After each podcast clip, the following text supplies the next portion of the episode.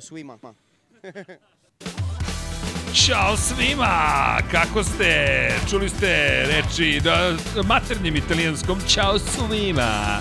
Marka Becekija i mi vam želimo dobrodošlicu u Lab 76 broj 387 i naravno tu je gospodin Dejan Potkonjak i Deki, ne znam da li kasnimo ili ne, kakav je tvoj utisak? Kasnimo 100%, Bruce Lee smo. Da, kasnimo. Bruce Lee smo, to, Bruce Lee smo, lagani Bruce Lee, ali to je šifra Bruce Lee. Tako da mi već znamo kada se kaže Bruce Lee kako se stvari dešavaju. E, ćao svima, dakle, dobrodošli. Može još jednom, Vlado, čekaj, mnogo suviše je dobro. Dakle, ja se nadam da vi čujete celu sekvencu, ali mnogo je dobro. Ajmo još Ćao jednom. svima. Ćao svima! Dakle, mladi Marko Beceki najzad je spoznao gde je najbolji podcast na planeti Zemlji i naravno nalazi se U, može i ona druga sekvenca, čekaj. Ili imaš onu drugu sekvencu spremnu? I naravno nalazi se na kanalu Infinity Light koji zove se Lab 76 i udri. Ma, ne, i može i Diđa. Može i Diđa. Evo vam pozdravi za početak druženja, raspoloženje na nivou, jer ovo je zima Moto Grand Prix. Hi everybody, hi from Dija, hi to everyone from Lab 76. Ciao. Nešto ga slabo čujemo, ali moguće da nije bio monitor and output. Važno je da su, služ, da, su, da je čula publika i to je najbitnije. A samim tim, kada vam se kaj jave Marko Beceki Fabio Dićan Antonio, rečima čao svima, e, red je da kliknete like, share and subscribe, jer vi ste deo, pa vi ste, mi smo deo, svi zajedno, drugari, Vlado, mislim da se nešto upravo desilo. Mislim da ti se prekinuo, ne, ne, ne, mislim da je ovde konektor otišao na, na kameri, ali to je sve, sad smo u crnom, što bi se reklo, ali mislim da će to Vlada sada sve da se redi. Elem, kako da pogledate, ljudi, dobro nam došli, Deki budnim pogledom prati situaciju. O, da vidim šta se dešava. u svakom ja slučaju... bih bio bespomoćan. Deki, uh, da, imamo uvek neke uvode. Uh, mislim da moraš da poučeš kabel na ovamo. U svakom slučaju, Nota Kele komputador. Ne diraj računar i sve će to biti u redu. Ne, ne, Vlado, po, a, dobro, može može i tim putem, kako god. Elem, point je u sledećem. Odo smo mi na put, bilo je lepo, bilo je zabavno, bilo je i ozbiljno. Svašta smo videli, svašta smo uradili i jedno od najvažnijih stvari bilo je čao suvima. Šalim se naravno.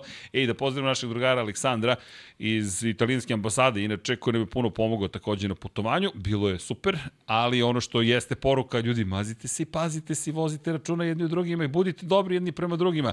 To je najvažnija stvar koju možemo da vam poručimo, sve ostalo je manje manje bitno i naravno like, share and subscribe. U svakom slučaju, jeste zima Moto Grand Prix. Gresini predstavio svoju ekipu, fabrički tim predstavio svoju ekipu, VR46 predstavio svoju ekipu, Ko još predstavio svoju ekipu? Gas Gas, ali pre Gas Gasa Track House i Gas Gas. Od 11 timova čak 5 je u prethodnih 10 dana reklo čekajte da vidite šta smo pripremili to za vas i bilo je svega i svačega. U svakom slučaju, vlada mi je u nekoj de, ranoj, la, laganoj depresiji, ali to ćemo sve da rešimo. Deki, možeš da preuzmeš reč, majstor Kvariš ide da popravi situaciju, da vidi kakva je, šta se tu zapravo desilo. Ne, ne, ne, nikad ti taj avion neće poletiti mali, ja da ti kažem. Prebaciti kadar na deki, sad ćemo mi to da rešimo, nego što da brineš. Dakle, mi smo u crtanom filmu, lepo se zabavljamo. Zašto? Zato što imamo gosta koji je došao s jedne velike televizije da vidi kako se to radi zapravo i ovako se to radi zapravo. Deki, preuzmi reč, da makar na hrast, tako, molim te. Može, može, nije problem.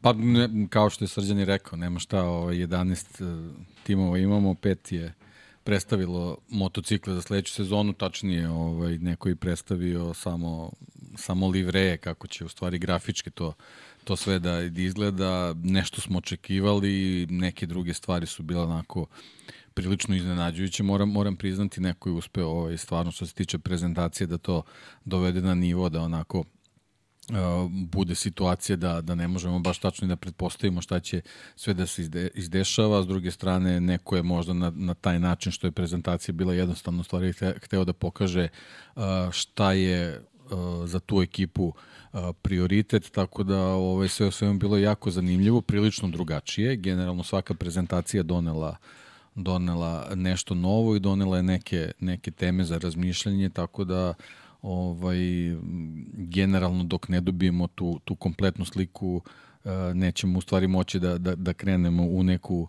neku ozbiljniju analizu, ali generalno odlična stvar je i utisak je da, da, da su i Motogram pri timovi počeli malo više da rade na svojim ovaj, promocijama, tako da, da dobijemo jedan period godine koji je onako prilično uzburkan i zanimljiv za razliku od nekih ranih sezona gde smo imali period između između ovaj u stvari u, u zimskim pauzama gde gde su bili neki periodi gde se apsolutno ništa nije dešavalo. Ja sad ne mogu čak ni ni onako na pamet da se setim da li smo imali recimo nekih nedelju dana da je bilo potpuno zatišje. Mislim da smo stalno imali neke informacije, da se stalno nešto kuvalo, da, da, da, da su stalno bile, bile neka nagađanja šta, šta će se desiti, šta se neće desiti, tako da generalno jako simpatičan ovaj, da kažemo početak sezone, čekamo sad naravno i te, te ostale prezentacije, ali generalno već ono, tu je februar je pred vratima, tako da uskoro kreću i, i, U, i, zimska, i zimska testiranja, tako da ovaj, e, mislim da smo ono, što se toga tiče na, na pravom putu da da imamo onako zanimljivu sezonu kao što smo i najavili. E, kada kažeš februar je na vratima, znaš, nekako to zvuči baš onako. Pa, da. Hannibal je Anta Portas, znaš, februar je Anta Portas, stigao je na vrata. Inače, krećemo i to vrlo brzo krećemo kada je reč o predsezonskim testiranjima, imamo takozvani shakedown test, to će biti prvi test, na kojem, ponovit ćemo još jedno, bit će prisutni i neki od ljudi koji, to je timova koji nisu zapravo još uvek se pred, predstavili jav, širo, širo javnosti, između ostalog i Yamaha. Ali nećemo večeras pričati o Yamahi, prič, bavit ćemo se nekim drugim stvarima, pričat ćemo naravno i o Yamahi, jer je to neophodno, međutim, ljudi, toliko prezentacija, toliko fenomenalnih stvari. E, dugujem malo izvinjenje, ali ne zamerite, čekali smo potvrdu od Rosijeve ekipe, smo dobili potvrdu, smemo da uradimo relive, takozvani. Zašto ćemo to da uradimo? Pa za sve one koji možda u nekoj budućnosti budu rekli, ček da pogledam kako izgledala prezentacija Valentina Rosija i njegove ekipe. I iskreno, bila je najbolja prezentacija. Žao mi što to nismo mogli da uradimo, ali i, ekipa Rosije je super organizovana. Mi moramo još malo da naučimo kako, šta, gde, kako da uradimo. U svakom slučaju, ekipa Lab 76 je bila u Ričoneu, smijali smo se svi zajedno, jer Ričone je ponovo privukao kompletnu Moto Grand Prijanost i ne samo mi, na, naše engleski kolegi između ostalog Ričone, centar sveta, Moto Grand Prija i na obali mora i zaista je bila fenomenalna atmosfera.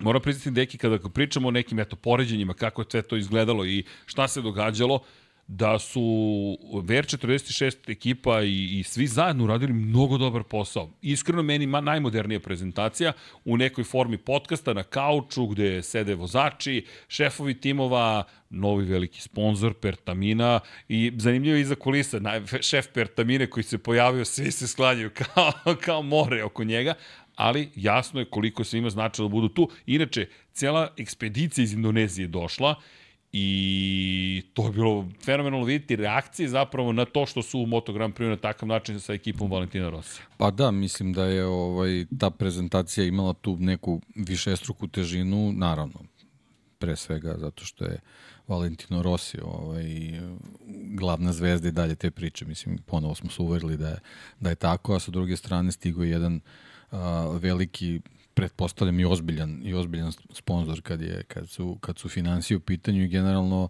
a, verujem da da je zbog zbog čitave te priče sa sa Pertaminom u stvari ta prezentacija tako i osmišljena ili jednostavno od, samog početka ta ta sredstva koje su uložene u ekipu moraju da se i na taj način opravdaju i samo to prisustvo Valentina Rosija i na, na Bini generalno u tom čitavom scenariju vezano za, za prezentaciju je u stvari znak koliko čitava VR, VR46 ekipa ceni to što je Pertamina ušla ovaj, u tu čitavu priču i verujem da, da već imaju neke neke naznake, neke planove kako će, kako će saradnju da, da nastave i rašire.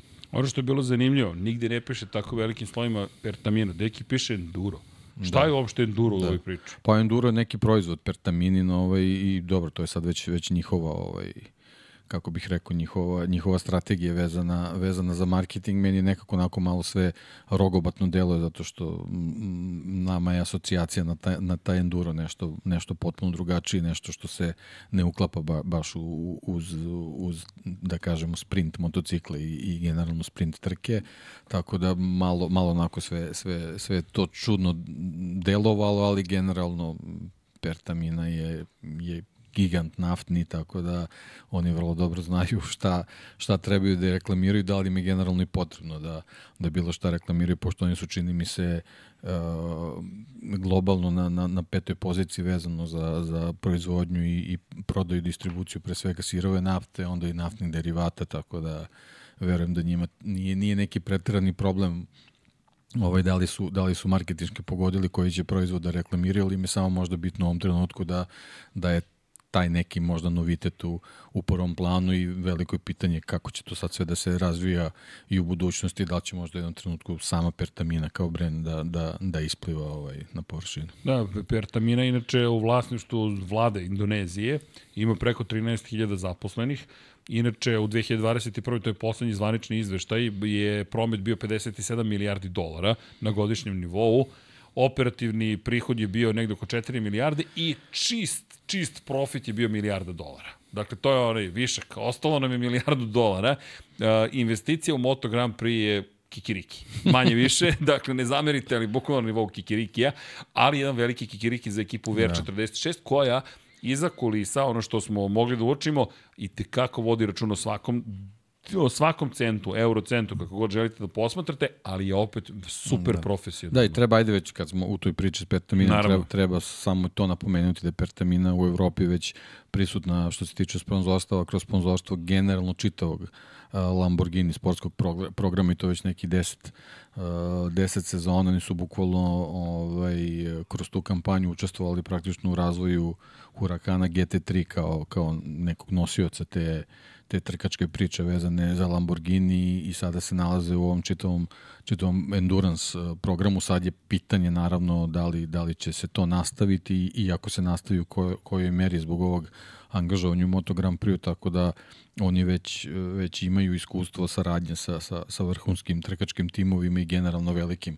kompanijama, tako da ovo je samo još, još jedan iskorak i, i, i generalno je verovatno i vezan za, za ovaj, veliku nagradu Indonezije, trke koje će biti tamo i bili smo i svedoci na, na samoj promociji da je glavno pitanje svih iz Indonezije bilo da li će se Valentino Rossi pojaviti na toj trci. Generalno on je, on je dalje prva zvezda i on je bio taj magnet koji je ovaj, doveo do toga da se, da se generalno napravi, napravi ove saradnje. Kažem, samo ćemo videti vremenom ovaj, da li će se ona još produbiti i, i, i, i proširiti, da li će biti još čvršće, ali to će uz Valentina Rosija dosta verovatno i zavisiti od, od uh, izdanja vozača na stazi. Kada je reč o Rosiju, da, najveća zvezda koja pokušava da ne bude najveća zvezda svoje ekipe, jer ne želi zapravo da skrene pažnju su ljudi koji su uh, nos, nosioci praktično celog projekta. Videli smo Pablo Nijeta, Aldo Drudi je bio, koji je bio zadužen za dizajn motocikla. Fabio Di Gian Antonio stigao u VR46 i tu je Marko Beceki, bila super prirodna zvezda.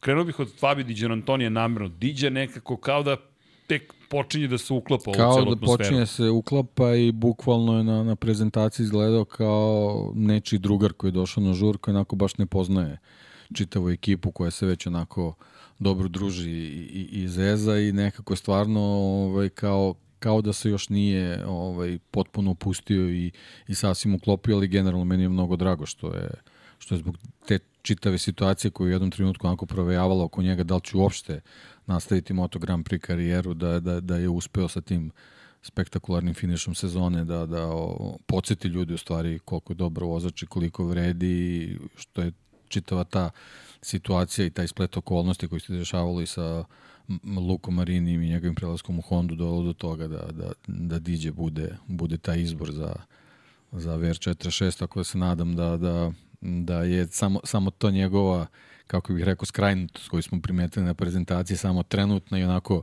prividno da će se on u stvari super uklopiti, da će biti bitan faktor u, u, u R46 ekipi sledeće sezoni, to je da, u ovoj sezoni. Pazi, ovo je novi motocikl, GP23 su dobili novi, za njih je novi, za one koji su osvajali tituli, borili se za titule poput Jorgea Martina, Joana Zarka koji je pobedio, naravno i Neo Bastianini i konačno šampiona Francesca Banjaju, motocikl koji je već sada stari motocikl, ali za cijelu ovu ekipu je praktično reč o novom motociklu.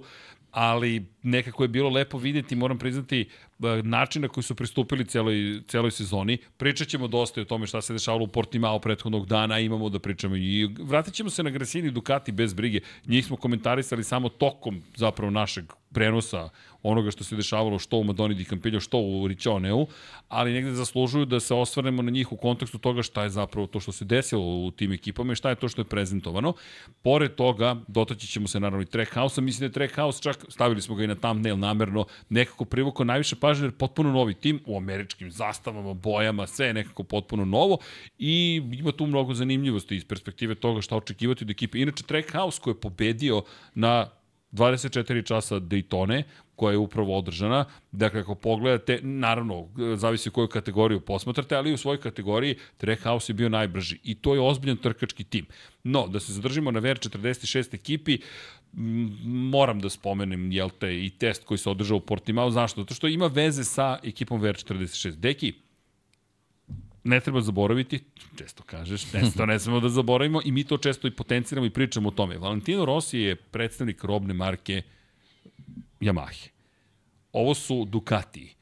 Yamaha u ovom trenutku je u problemu. Nema satelitski tim, međutim, ukoliko ove godine Fabio Quartararo i novi vozač Yamaha, Alex Rins, ostvare dobre rezultate, ističe ugovor za VR46 ekipom i Ducatijem, pojavio se na stazi u Portimao, za one koji ne znaju, zvanični test zapravo za Superbike vozače, u koji su uskočili MotoGP-ci. U organizacija ruba.it. Jeste ekipe. To je zvanični, koje... nije zvanični privatni da. test koji je de facto zvanični da, test kažem, za organizacija Aruba.it koji je deo Ducati mašinerije. Jeste, koja je bila u Madoni di Campigno, dotaći ćemo se njih, nemojte da brinete, ali VR46 ekipa se tamo pojavila, međutim u Ducatiju pojavio se i Gresini, to jest na Eru ne na motociklu koji će se koristiti GP u Moto Grand Prix. R je klasičan, kla, klasičan trkački, klasičan ulični motocikl, nije baš, ali taj Panigale V4R je zapravo motocikl koji vam je dozvoljeno da vozite i da testirate. Veoma je blizu onoga što imate u Moto Grand Prix, ali ne može da se poredi sa Moto Grand Prix motociklom. Međutim, vidjeti celu ekipu, plejadu vozača Superbajka, kako se njoj pridružuju šampion i vozači Ducatija u Portimao, uz Marka Markeza, Aleksa Markeza i Valentina Rosija je bio zaista poseban moment. I podsjetnik Valentino Rossi na motociklu koji je predstavljen na, u, na sajmu automobila, za, na motocikala, oprostite, u Milanu prošle godine, to su boje koje je prezentovao u novembru. Ejma, e, Etima, izvinjavam se, je nešto što mora da se poseti i Rossi je predstavio taj motocikl u novembru, sad ga je vozio, jahao, bukvalno u Portimao I kako mislite da utiče na prodaju Yamahi kada Rossi sedne na taj, ver, na, na taj 46 motocikl i kaže ja sam i dalje vozač R jedinice zapravo? Pa pozitivno utiče. I sad, veza sa Indonezijom, u Indoneziji Valentino Rossi ubedljivo i dalje najpopularniji. Inače, videli smo čoveka koji ima koliko? 75 miliona pratilaca na Instagramu. Ljudi, 75 miliona pratilaca na Instagramu ima dečko koji je došao iz Indonezije. Izvinjavam se, nisam zapamtio ime. Nisam zapamtio ime, mi sedimo pored tu 10 metara od njega, on ima u džepu 75 miliona pratilaca i koji ustaje i kaže Valentino, re, obećaj nam da ćeš doći. I Valentino koji se Sabine kaže doći ću. Tako da cenim da će doći. ali, ali, ali to je isto fascinantno. 75 miliona pratilaca čovjek ima vi gledate ekipu koja je stigla iz Indonezije, koja s nama sedi, pije kafu. Inače, Fabio Di Gianantoni, to je lepota kad si na licu mesta. Gde je pio kafu, Diki? Pa da, ne, meni, meni je generalno utisak, utisak tog čitavog dana bilo ono, ona naša jutarnja šetnja gde smo malo ovaj, prošli ovaj, italijanskim pevkohorijem da vidimo ovaj, gde, šta, kako. Ovaj, I nalazimo taj, taj kongresni centar ovaj, koji je koji je bio ovaj centar za zbivanje vezano za, za tu prezentaciju koja se desila kasnije tokom dana, ali mi prepodne dolazimo i vidimo tu neku grupu od, od par ljudi, neke momke u nekim duksericama, u nekim štepanim praslucima, dečicu neku, ono, 20 godina, klinci, pošto ja njih tako gledam, pošto su vršnjaci mog sina i u jednom trenutku ovaj, shvataš da su to DJ i, i ovaj, Bec koji odrađuju neki, neki photoshoot za, za za nekog sponzora i vidiš u stvari kako su to onako mladi obični momci ovaj, u svom kraju gde prolaze neki baka i deka ovaj, u jaknama sa 58-icom zovu, zovu Becekije koje u tom trenutku prekida snimanje i silazi da se izljubi sa, sa komšijeva. Mislim, stvarno onako ovaj, nekako dobiješ utisak u stvari te sredine koja zaista izgleda živi za, za, za taj motociklizam i, i bodri sve te momke, oni su za njih onako tu deca iz kraja, ne, ne, ne sad kao neki, neke super zvezde ili ne znam šta i onda u nastavku mi posle kad smo obišli, kad smo videli tu gde, gde ćemo i šta ćemo, kako da se u stvari smestimo vezano za tu čitavu priču za prezentaciju, onda smo mi napravili kratku pauzu u jednom kafiću ovaj, u, u, u okviru U kongresnog okviru kongresnog centra centra, i u jednom trenutku došao Diđa sa, sa svojim prijateljem. Ja sam zaista neverovatno kako liči, ja sam pomislio da je da, da mu je brat ili neki rođak, međutim, posle smo Druga. pričali, pa ne, mi zaustavili momka, rekao, izvini, si ti Diđin brat? Kaže, ne, ja sam mu najbolji drug. Pa, rekao, ličite neverovatno. Koliko se dugo družite. Da, i nije ni bitno, seli su dole u kafić, naravno, niko, niko ih nije, nije Ma to je njihovo mesto, smaro, nije ih uznemiravao, ali generalno svako ko je ušao javio se čao Diđa, izašli napolje, sve je okej, tako da onako zaista su momci, momci iz kraja bili u tom trenutku ovaj, i nisu ni oni glumili neke velike svetske zvezde. Ali šta je bilo zanimljivo, ja nisam to uočio, to ste Aca i ti uočili, kada je Marko prekinuo zapravo, inače fotografisanje za sponzora, Da, Marko ga, nije, ni, nije, ni- nije on ga on prekinuo i rekao sačekajte, ne, on je samo otišao iz kadra jer su došli ljudi koje on zna iz, jel te, mesta i Tako koji ima je. obave, ne, du, du, red je da se javiš. Tako je. Međutim, šta su imali, koje jakne? Da, da, da. Sić Rekao sam, 58, gde si rekao, da, da, jesam, ok, jesam, 58-ica, koje, meni to, meni to tako da. i srceparajući istovremeno toliko divno, ali to je to, ričone, pri čemu nema nigde nikoga.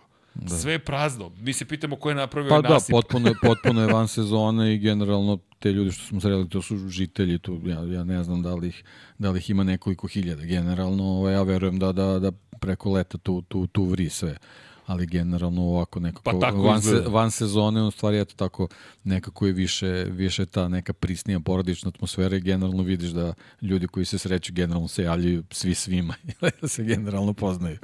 Tako da ovaj, onako meni, meni je bilo simpatično i interesantno pre svega da, da vidimo kako se to, to sve organizuje. Naravno sve je bilo vrlo jednostavno bez neke spektakularne pompe oko te pripreme ali na kraju je sama ta prezentacija onako kao što si rekao onako bila prilično ubedljiva i generalno je morala takva da bude, verujem, zbog pertamina pre svega.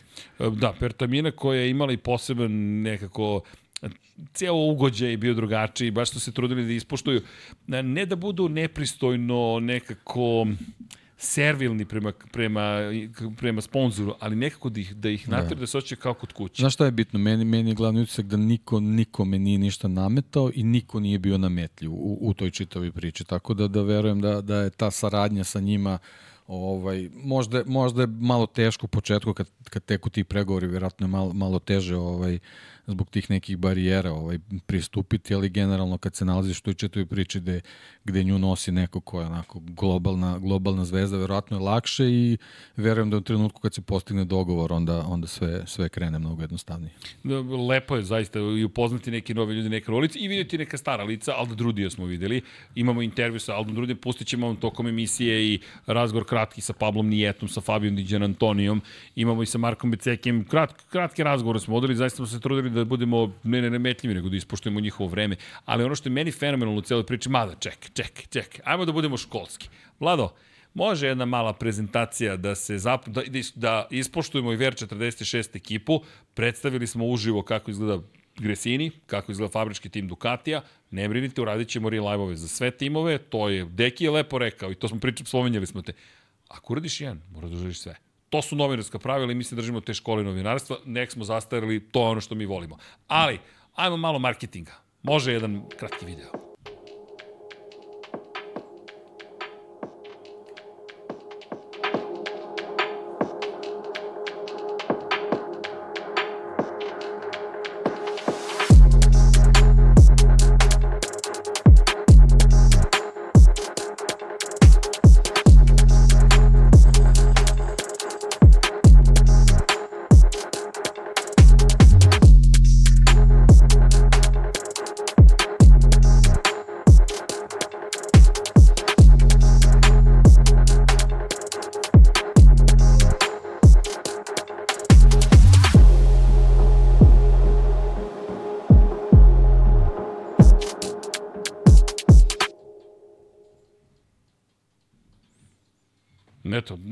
Na prezentaciju prosto, to je zvanična prezentacija, pa eto da ispoštujemo prosto ekipu koja se zaista potrudila. I potrudila koju... se i onako no, u tom nekom, da kažem, old fashion ovaj, stilu, stvarno su nas iznenadili vezano za, za, za boje motocikla, niko nije mogu ni da pretpostavi kako će da izgledaju.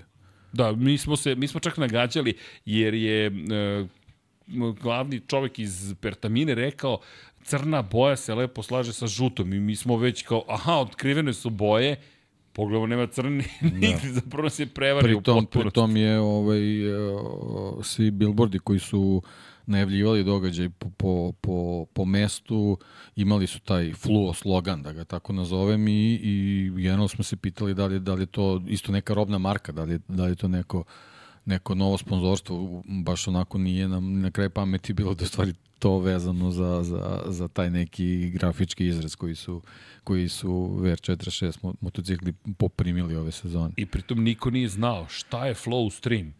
I sad, kao šta je flow stream, je to neki streaming servis, jer to nešto novo, na čemu novom se radi, a ono Aldo Drudi i Valentino Rossi se zabavljaju lepo. E, ali ti si imao lepo opažanje, hoćeš ti da preneseš tvoje opažanje kada je reč o Rossi ili hoćeš ja to da učinim? Kako god želiš, sve jedno. Izvoli, Odri, ma, odri, izvoli ne, slobodno, ne, ne, Deki koji prilazi kaže, Srki, jel ti primećuješ da se on smeje samo ispred kamera? Deki, Da, vrlo, vrlo ozbiljan i koncentrisan sve vreme. neprekidno i vrlo jasno da je da ne da shvata ozbiljno, nego da je ovo naravno posao je li više od posla. Ovo je nešto što je ne, ne znam, njegova životna stanica u ovom trenutku, njegov životni po- posao, cilj kako god pogledaš, baš ozbiljno pristupa ovom. Pa znaš kako, mislim, mi to sve gledamo eto tako sa, sa, sa neke strane vedrije na, na koji nas je on naučio, ali generalno ovaj, uh, ozbiljne stvari se dešavaju u njegovom životu. Mislim, pre svega, ono, oformio porodicu, postoje, postoje otac, sa druge strane ulazi u jedan ozbiljan trkački program vezan za, za trke izdržljivosti i sa treće strane on je vlasnik trkačkog tima Moto Grand Prix. Znači, to su, to su nekako tri uh, kako bih rekao, tri obaveze sa kojima se on recimo do pre dve, tri sezone nije susretao. Tako da ovaj to je to je sve ozbiljan ozbiljan zalograj, ozbiljne ozbiljne životne odluke trebaju da se donesu i ono što me eto onako čisto kao još jedan detalj koji me onako onako zaintrigirao kad sam, kad sam, kad sam ga video, ovaj, on i Uči sa Luči apsolutno nisu komunicirali tokom, tokom prezentacije, ono kao što si ti rekao, jednostavno stiče se utisak da su se sve apsolutno dogovorili pre nego što je sve počelo i da je kada se izašlo na, na binu i kasnije tokom, tokom ovaj, after partija da, da ovaj jednostavno o, njih dvojica savršeno komuniciraju verovatno pogledima. Apsolutno ne, ne, ne postoji razlog da da ovaj da, da, da na drugi način ovaj rešavaju stvari i ono što je što je bitno vezano vezano za, za te dve za ta dva događaja na kojima smo i prisustvovali u kratkom vremenu jednostavno kod obojice a, nema vremena za opuštanje. Nijednog trenutka nismo ni jednog ni drugog videli da su da su onako nekako kako kažu ono pustili pustili sebi na volju i nego jednostavno bukvalno su sve vreme bili bili koncentrisani na posao koji su obavljali i Valentino kad je odlazio, ne znam, to se isto vjerojatno primetio, znači bukvalno se javio svakom koji je bio na četvrtom spratu tokom, tokom žurke. Kada pogledaš koliko je dugo i vremena proveo, moram priznati da sam iznenađen jer često Valentino se pojavi na par minuta i ode. Ne, ovoga puta je ispoštovao. A, Zato kažem, sve. deluje mi, deluje mi da je dogovor sa Pertaminom ozbiljan i ozbiljna je i cifra u pitanju, tako da vidjet ćemo u stvari koliko sve to znači za VR46 u daljem, u daljem razvoju. Meni se, kažem ti, sve zajedno generalno dopalo. Medijska soba, potpuno profesionalno. Da. Deki, ono što smo mi videli, ovo nije neka ekipa koja samo pokušava da bude pretender, što kaže, da, da pokuša da bude deo Moto Grand Prix zajednice. Ne, ovo je tim koji je angažao vrlo ozbiljne profesionalce na svim poljima i koji rade sve što je potrebno da bi, mi pričamo sada iza kulisa, to je jedina prezentacija koju smo bili, da smo bili iza kulisa, da sve funkcioniše kao da je fabrički Ducati u pitanju. Ali postoji jedna velika razlika. Kako je Marko sedeo tokom intervjua? Da. Da, jednostavno ovaj, to je nešto što a, što verovatno ne, može da se promeni, a i ne treba da se promeni. Znači, Marko ovaj, Beceki u jednom trenutku, u stvari, kad je krenuo taj oficijalni deo, kad se, kad se u stvari završila prezentacija, oficijalni deo vezan za, za fotografisanje, naravno moralo su da se ispoštuju svi gosti koji su došli sa strane Pertamine, sa strane VR46, sa strane vozača, ostalih sponzora, bukvalno je bila jedna osoba koja je bila zadužena da, da, da preko razglasa proziva ljude koji su dolazili na binu i beskonačno je trajalo to, to fotografisanje ja ne znam, ja mislim nekih sat vremena da su ostali gore i onda je, onda je krenuo raspored, znači Sky je prvo morao da uzme intervjue, pa su ostale televizijske kuće uzimali, pa radio stanice, su na kraju do, da je došla neka internet e, ekipa, da kažemo, društvene mreže i ostali, ostali digitali, ovaj, i tu je već malo, malo neka opuštenija atmosfera bila i Marko je sišao s motocikla bukvalno seo, seo u turski sed na, na, na binu i, i tako je ovaj, radio te intervjue, što verovatno na nekim prezentacijama nekih, da kažemo, pod navodnicima ozbiljnijih i većih fabričkih timova, nisam baš siguran da je moguće. Ne da nije moguće, nego su se baš žalili zapravo nekima od, na, nekim od naših kolega predstavnici Ducatija, fabričke ekipe, rekli su mi ne, nije nam dozvoljeno po protokolu da radimo takve stvari, a ti kada pogledaš VR46 tim baš se potrudio. Inače, oprečna mišljenja o tome da li su lepi motocikli, to jest kakve su boje, da li je to nešto što je zaista ono što, što bi trebalo da bude. Mi ćemo iskoristiti priliku, naravno imamo i fotografije koje su, koje su zvanične fotografije, prosto da vam pokažemo motocikli iz ove perspektive.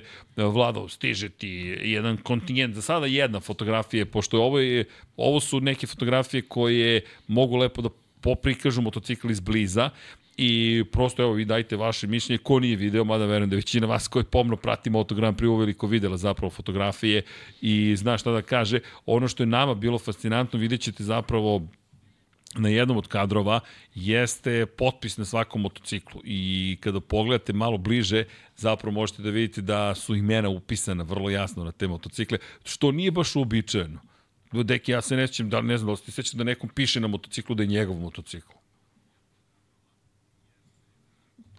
Pa da, mislim u principu ovaj to je to je sad već stvar ovaj ekipe i kako ona želi da da iskomunicira tu tu ovaj čitavu organizaciju, ali onako generalno deluje jako simpatično, a što se tiče samih samih boja ovaj VR46 motocikala, mislim stvarno onako meni meni bilo onako iznenađenje, stvarno nisam mogu ni da, ni da pretpostavim da će ova kombinacija boja biti, ali generalno, mislim, naravno, na kraju krajeva ovo je taj, taj neki marketinški potez koji u tom trenutku bio, bio jako bitan i mislim da je ono bio baš, baš pun pogodak, je sad kad, se, kad krene sezona, kad se izađe na stazu, to će biti najmanje bitno kakve su boje, ali nekako generalno ovo da priča sa, sa Drudim i, i njegovom ekipom, to je saradnjom sa VR46 nas ovaj, dovodi do toga da ćemo verovatno ovaj, o, ovi motocikli će u stvari služiti kao zamena za Rosijevu kacigu, tako da sigurno ćemo imati u, u, u nekom periodu koji dolazi neke, neke specijalne edicije motocikala koji će ovaj, možda neće morati baš da se plaćaju Ducatiju da bi, da bi se dobile serijske verzije u tim bojama. Pazi, kada pogledaš Yamahe, ove koje je vozio sada u Portimao, ja mislim da će se one vrlo dobro prodavati, ne znam za tvoje mišljenje, a pa, što kažeš, ovo vuče ka tome. Vuče mi se, cela, cela ova priča u zadnjih desetak dana vuče ka tome da, da će s Drudim da se napravi ovaj, ovaj priča oko tih o, limitiranih serija. Pa pazi, šta je uradio Ducati? Ajmo da pričamo i o tome. Fabrički tim Ducati je prezentovao motocikle koji imaju ove boje, to je prošlogodišnje boje, koje su u duhu zapravo VR46 ekipe. Ti sada koristiš njih i u komercijalne svrhe, to je sve svoje privatne i satelitske timove da zapravo prodaš više motocikla, što je sasvim naravno u redu, ali čisto da konstatujemo i, i to priču. Da su i Ducati shvatili da, da nije bitno samo da budu tradicionalni, već da, da malo ovaj prošire svoje tržište. A to mogu da urede tako što kažu, e vidi, ovo nije naš, ovo je zapravo motocikl neke tamo ekipe, ne, i to nije neke tamo ekipe, nego ekipe koja je zapravo vrlo ozbiljna, ali koja nije naš fabrički tim i mi možemo da se, neću da kažem, sakrijemo iza toga, ali mi možemo vrlo lepo da kažemo, e pa ljudi, ovo nema, ima veze s nama, ali nema veze s nama. Pa nije, znaš kako, ti sad imaš uh, u, u celoj toj Ducatijoj gami, da, da tako nazovem, ti imaš sad četiri, četiri ekipe koje, koje bukvalno mogu da, da, da gađaju ovaj, četiri profila tržišta. Ili imaš fabričke Ducati za, za neke onako tradicionalne ljubitelje koji, koji generalno verovatno to, to ne želim da menjaju, onda sa, sa druge strane imaš neku, ne, neku lepezu ovaj, gledalaca i, i, i ljubitelja Moto Grand Prix gde imaš sa jedne strane imaš boje ekipe ovaj, legendarnog vozača kao što je Valentino Rossi, znači bez obzira šta god da god- nosi da, jasno, VR46, jasno, to je, to je samo po sebi već, već kupljivo, a onda sad ti se dešava moment da da sa druge strane imaš Gresini gde, gde imaš braću Marquez, to je pre svega Marka Markeza, da, da u nekoj perspektivi kad se pojavi serijski motocikl sa, u, u tim bojama kao što je bio ovaj u Portimao, pojavit će se neka određena glup, grupa kupaca koje će, kojima će to da bude zanimljivo i onda sa treće strane imaš imaš pramak gde, gde si imao čoveka koji za malo ove godine da, da ispiše istoriju da postane svetski šampion na, na, na privatnom motociklu koji takođe ima neku svoju grupu obožavalaca, tako da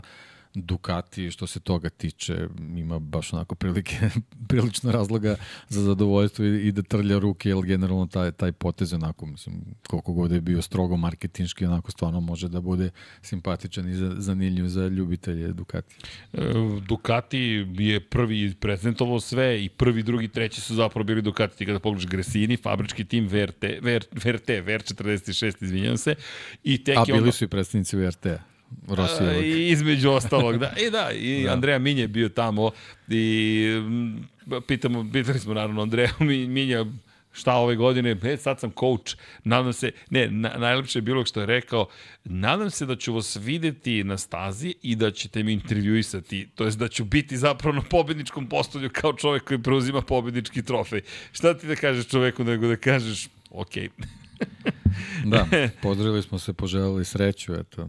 A, Da. Simpatičan momak, ovaj, eto, nažalost, ovaj, nema mesta za sve, ali lepo što je to što je VR46 vodi računa i o, i o njemu, eto, što, što ima neku vrstu posla i što će biti ovaj, na stazi, pa kako god.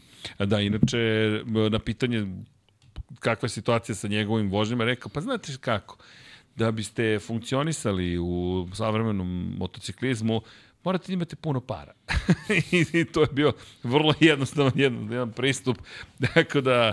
Na A kraju- dobro, ali eto možda, možda se desi ovaj, da, da, da u tom smislu ima sreće s obzirom da, da je generalno VR46 i Valentino Rossi da su pokrenuli taj još jedan svoj ogranak vezan, vezan za tu E da, kako to je bi to rekao, zanimljivo. producentsku kuću. Oni su gen, generalno ovaj, a, kreću sa idejom da svako ko, ko, ko želi i misli da mogu da mu pomognu u, nekom razvoju karijere, u smislu da mogu da mu pronađu dovoljno finansijsko zaleđe i, i, i- neke velike sponzore da im se obrati i da će oni praktično da, da menadžerišu tu čitavu priču, a samo prisustvo Minja tu i njegov trenutni status i možda možda dobra prilika da VR46 izreklamira te svoje aktivnosti, pa eto, možda se Minju posreći zbog toga da, da ovaj, u toj nekoj najizgled bezizlaznoj situaciji u ovom trenutku možda možda dođe do toga da mu oni obezbede neki, neki angažman da bi u stvari samo dobro izreklamirali svoje sposobnosti i, i sposobnosti generalno te organizacije koja je vezana za tu, da kažemo, producentsku kuću. E, kada je reč konkretno baš o, o sponzorstvima, Rossi je proširio zapravo gamu i pričali su o tome da zapravo postoji nova kuća koja će se baviti nabavkama sponzorstava. Mogu samo da zamislim kako to izgleda. Dakle, ti sada ne, ne pregovaraš sa Dejanom, nego Dejan Potkonjak dođe i kaže Valentino, meni treba sponsor za Lab 76 i Valentino kaže nema problema, mi ćemo se sada Ili pozabaviti dođeš time. kod svog sponzora i kažeš mu nećete više razgovarati sa mnom, zvaćete Valentina Rossi. Ne Može zvuči ta- uopšte ta tako relacija, loše, da. odmah da se razumemo. Pazi, ajmo, ajde da budemo realni. Kako ti to zvuči? zvuči prilično ozbiljno, posebno zbog onoga što smo razgovarali. Mislim, generalno, Valentino Rossi i ekipa oko njega i dalje rade najbolji posao u Moto Grand Prix što se tiče ovaj, marketinga i generalno produkcije. Aj- Ajde da budemo realni. Dakle, ovo deluje kao nešto što će pomoći svima praktično. Bukvalno kao da će pomoći svima. Rossi će uzeti proviziju, to jest njegova cela ekipa. S druge strane imaš timove koji će dobijeti sponzore, jer ajmo ovako, hronično postoji problem, bolest praktično, neuspevanje monetizacije, koliko to grozno zvučalo, ponekad se žalimo na kom, komercijalizaciju, ali postoji komercijalizacija koja je prosto neophodna da funkcioniše. Ljudi da žive u, svi zajedno živimo u svetu u kojem novac je neophodan. Bilo bi super da možemo do košutnjaka, ne znam, zvezdarske šume, pokupiš lišće i platiš lišće. Ne funkcioniše tako. I komercijalizacija je neophodna. Pre, sve prekomerno, kao i uvek, ekstremi obično nisu preterano dobri, je ono što je problem. Međutim, timovi se muče, David Emmett često priše o tome, imate timove koji su fenomenalni, ali koji prosto ne znaju kako taj svoj uspeh i medijsku eksponiranost da pretvore u nešto što će sponzore privući. I Rossi, ako neko ume, gospodin Potkonjak je to davno objasnio, direktor marketinga Moto Grand Prix je bio Valentino Rossi. Sada on polako postaje direktor marketinga e, postaje direktor marketinga svima praktično. Svih vozača. Da. Suvima. Suvima. svima, ali dobro, to je bilo simpatično. Ali hoću da kažem da je to za mene, mislim da je ovo super potez i da će zapravo ovo pomoći svima. Zaista mislim, duboko da, da može da pomogne, pre čemu Rossi, ljudi, vrlo pametno, još jedan, još jedan pametan potez u karijeri pametnih poteza. Nisu svi bili najbolji, ali ovo je pravi potez i u momentu kada se i Moto Grand Prix konačno širi. Inače, stiglo su mi nova pravila za društvene mreže i ponašanje na stazi. Prvi put ljudi od kada Moto Grand Prix pratim, a pratim ga od 95. na stazama smo deki od kada, poslednjih 20 godina, smo dobili zapravo uputstvo šta kao neko ko se pojavljuje na stazi kao ne snimatelj ili ne televizija, nego kao neko ko je novinar, sme da uradi u kontekstu društvenih mreža. Vrlo jasno, koliko storija smeš da izbaciš, šta smeš da uradiš, šta taguješ, kako funkcionišeš, gde su, gde, koja su pravila ponašanja.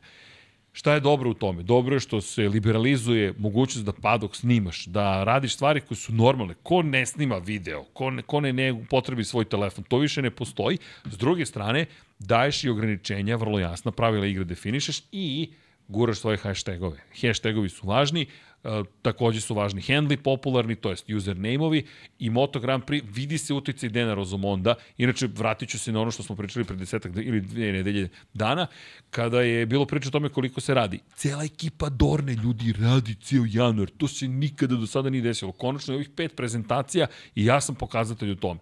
Ne znam, meni je ovo sve zajedno, baš mi se dopada I ako se slažete, ono što bih ja volio takođe da uradimo, deki, jeste da zapravo iskoristimo priliku i da vam ajde, prikažemo intervju koji smo uradili, intervju, čujte, to je minut, smo bukvalno pričali sa Markom, ali za nas je to bilo više nego dovoljno. Mi smo bili zadovoljni, zašto? Pa zato što smo bili prisutni kao ekipa Lab 76, zato što smo pričali sa momkom koja je velika zvezda i zato što je zaista bio u svom duhu, Inače, nismo previše montirali materijal, isekli smo onako kako jeste, zato što negde Dekijev, Deki kad je video da sedi u turskom sedu na, na ivici bine, ne, pošto je Laura, koja inače vodi društvo, ne društvene mreže, već odnose sa javnošću ekipe, rekla, ej čekajte, vratit će se, dakle, doći će, nema ništa da brinete, mi smo, Deki je bio u fazonu, ne sad. Da, generalno pozicija je bila na bini pored motocikla, to je to je mesto gde su generalno svi ostali uzeli intervjue. Jeste. Da. I, ali naravno ne i mi. Jer, Lab 76, jer nas kad neko pita, hoćete to, ne, hoćemo nešto drugačije. Zato, zato što volimo vas, zato što volimo sebe, zato što volimo ovo što radimo i onda smo bili u fazonu, pa vidi, a možemo mi dok on sedi nešto mi da uradimo? I Laura koja je bilo pa naravno, šta god hoćete. Tako da smo kadar i napravili, Deki režiser inače bio, iza kulisa, crki, sad ovaj kadar, sad uradi ovo, sad. Inače, znate kako se probudio? Moram, ne, ne. Ej, ljudi, znaš kao kako to funkcionuje? Kao Zarko, kad dok je papuče su na nogama u padoku, dok ne sedne na motocikl. Kako je krenula prezentacija? Srki, ti ideš levo, Aco, ti ideš pravo, Deki koji snima, vidi, samo odjedno kreće full organizacija i mi koji smo bili znao, dobro, Deki, da, da, ali no, no, moram priznati da je bilo zadovoljstvo. Ovo je intiman samo moment, mnogo je bio let taj moment, meni je bilo ja sam bio toliko radostan što, što zapravo nekako imaš taj novinarski moment, znaš, da uhvatiš nešto, da snimiš, da iskoristiš priliku. E, Vlado, uh, šaljem ti još jedan video, stići će uskoro, ali... Ne, i lepa je stvar, stvarno, Pol iz, iz ovaj, generalno cijela organizacija da. nam je ono pomogao i bukvalno svaki put kako je prolazio, pitao je, ili treba još nešto? I sve je okej, okay, jeste dobro. Da, da. Tako da, stvarno, super, mislim, generalno, ovaj, jako je bitna stvar da, da, da ovaj, dobiješ, dobiješ pažnju sa te strane. Pa i da izgradiš reputaciju u kontekstu toga da znaju pa, već šta da je, već je izgrađena samim tim što se interesuje da li se dobije sve što treba. Naravno, to je već ali, okay. ali opet lep je taj moment. Inače, nismo jurili, a ne, bilo je pitanje da li možemo da snimimo nešto, autogram i tako dalje. Ljudi, U tom momentu to se ne radi. Postoji Tako. moment kada se to radi. Ne dok traje zvanična prezentacija i dok ljudi dolaze, naše kolege, koleginice koji rade svoj posao, da nešto uradi. Inače, da odgovori Maj Kvartaranovi, da li važi dogovor za ovu nedelju? Važi, Majo, samo ja da stignem da sve organizujem. U svakom slučaju, nadam se da pratiš i da slušaš, ali činjenica je da, da je zaista nepristojno u tom momentu da privatizuješ situacija. Može potpis, je može ovo, može. Ne, doći će trenutak, nije se ukazao ovoga puta, bili su sa svojim devojkama, mi nic nimamo devojke, nic se mešamo u tim trenucima. Zamislite vi da ste sa svojim momkom ili devojkom i sad odjednom neko vas prekida i kaže, čekaj sad da vrati se na posao. Ne, postoje trenuci. Ali bilo je zabavno i pogled na Ričone gore, ne, to mi je najče, oko Ričone, ti sad se popneš gore na vrh eh, kongresnog centra i misliš da ćeš da vidiš, ne, puca pogled, ono sve zgrade okolo su više od, od kongresne zgrade, šta vidiš, ne vidiš ništa, ali dobro. Da, da, u svakom slučaju, intervju, evo, sledi, intervju, kažem, nije to klasičan intervju, to je kratak jedan razgovor, inače te vidjet ćete našeg prijatelja Acu, ostavio sam ga u integralno, znam da, da smo hteli da postavimo pitanje, ali ljudi, uživajte u onome što je ekipa uradila, jer ovo je za nas isto bila neka lepa stvar koju smo, koju smo htjeli dugo da učinimo, pa ne zamerite i ako malo više pričamo o tome. Inače, na društvenim mrežama neko, neko mi je već napisao, da, namerno ste išli kod Rosija zato što ti obožavaš Rosija, obožavam Rosija. Obožavam i Markeza. Ne znam šta ćemo sada. Deki, internet je pukao upravo. Kako možeš jednog i drugog da obožavaš? Zato što obožavam svakog vozača Moto Grand Prix. Ljudi, to su, to su legende žive, bukvalno ali kada govorimo generalno o onome što smo hteli, evo, vrlo jednostavno, da, Laura nam je rekla dođite za Gresini i za fabrički tim, pa recimo da u mom duhu smo malo zakasnili, neka bude tako i sve je u redu. Ali, Vlado, ili imamo intervju? Ako mo, molim te, ako možemo mi da čujemo, to bi bilo top. Ako uspe obez da isporači, ako ne, važno je da publika čuje, to je najvažnije. Nadam se da ćete uživati, pa evo, kratak, kratak minut razgovora sa Markom Becekim. Allora, da quando hai cominciato con le vittorie il tuo inglese è migliorato? sì, sì, è migliorato, però non lo parlavo da Valencia, allora adesso devo un attimo riprendermi. Però Vabbè, ti aspettiamo ancora più il tuo inglese. Volevo chiedere, eh, Valencia, il test come è andato? È andato bene, è stata una bella giornata, e, sai, un giorno è poco per capire bene veramente la moto e tutto, però è andato bene. Si sente la differenza del 22-23? Sì, la differenza si sente un po' di più rispetto a, dal 21 al 22. E, infatti ancora devo capire bene, cercare di far diventare più una cosa naturale diciamo, nella mia guida, però ci stiamo lavorando. Cosa possiamo aspettare da te in quest'anno? Spero di, di, essere ancora veloce, di essere competitivo, di lottare per eh, altri podi e questo per adesso è un obiettivo che, che mi sono messo, ma voglio aspettare i test in Malesia per cercare di capire bene veramente un, un obiettivo da mettermi e da cercare di raggiungere per la fine dell'anno. La tua moto attuale sappiamo di chi è? Sì, lo sai. Possiamo sapere? Ah, aspetta, mi stai chiedendo se lo so? Ah, in realtà non lo so neanche io. Grazie mille. È una bella moto, fidati. Kao ne znam. Vaši. Inače, Marko ne zna da smo mi već saznali pre toga dakle su motocikli. Inače, po onome što smo mogli da čujemo u, u Rećoneu, motocikli su pripadali fabričkoj ekipi. Pa sad, vi zaključite šta god hoćete na osnovu toga.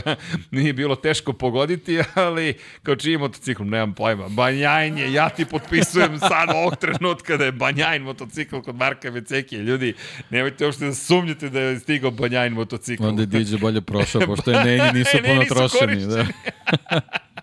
Ali da, da, to je bilo, to, to smo malo nakvarili. Poslednji intervju bio s Markom i pričali smo, i onda smo prišli, pre toga smo pitali Pola, Pol koji je vrlo isko, pa to, daje ti informaciju za medije, ali šeret je Marko Mislim da su bili zatečeni. Pitanjem. Da. da, Laura se smela, Laura je već znala, zato što Laura, Laura je dugo inače u poslu, ona je radila za forward racing i tako dalje i tako dalje. Ali, ali najbolje je bio kad je rekao, stvarno me to pitaš, čekaj, si ti realan. ali videli ste, turski sed na ivici, Bine, tu inače razgovara s našim kolegama iz, iz klasičnih medija, baš je bilo dobro i, i to isto bilo lepo videti. Inače, svi se šire na YouTube, dakle, to je Simon Peterson kaže, moramo na The Race-u da poboljšamo YouTube kanal. I ja rekao, e, kasniš Simone, ali ne znam, ali imaju poprilično velik kanal. Imamo know-how, nije problem. Dogovorit ćemo. Dogovorit ćemo se, cijena prava sitica. Halo, halo, kako brat. Inače, njegova supruga je postala šefica ekipe u novom seri, u novoj, zapravo, u novom šampionatu koji će se baviti ženskim motociklizmom, gde su devojke sada dobile nešto poput Formula 1 Academy.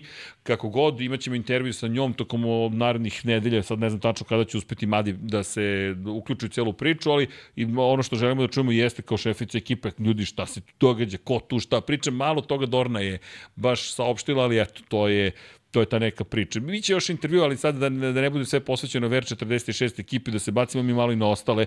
Deki, Fabrički tim je dao svoj motocikl VR46 ekipi, Pertamina je stigla, ambicije su vrlo ozbiljne, Mateo Flamini izgledao i tekako ozbiljno, Aldo Drudi se pojavio na prezentaciji, objasnio je prosto da je našao inspiraciju sve onome što se radilo tokom godine i da ima veze sa Rosijem, naravno sa tom žutom bojem, Fabio Di Antonio, čućete malo kasnije njegov intervju, ali kažem da ne bude sve posvećeno samo ovoj ekipi i radit ćemo real live da ispoštujemo ceo tim, ali generalno vrlo ozbiljan tim. Malo smo i krali znanje kako rade prezentacije, tri projektora, svakih po 10.000 eura košta, ok, malo nam je van budžeta, ali, ali, ali, ali ok, skupit će se. Inače, pomozite, patron.com kroz Infinity Lighthouse da kupimo makar jedan projektor, taj Panasonicov, ali shop.infinitylighthouse.com, a može može like, share, a i naravno subscribe.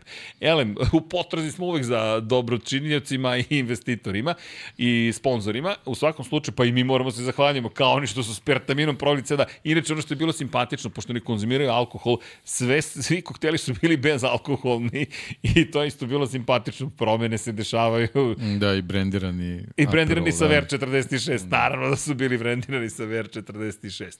No, deki, Nije to jedina prezentacija, to su GP-ovi 23, pored Valentina Rosija, Gresini će koristiti VR46, to je Mark Marquez i Alex Marquez, to je izvinjam se GP23, a GP24 to je zadužen, za to je zadužena ekipa fabrička i kao što je zadužena ekipa koja će poslednje prezentovati motocikle, to će biti naravno tim Prima Pramaka koji je odlečio 28. februara tek da prezentuje, tako da do tada ima još dana.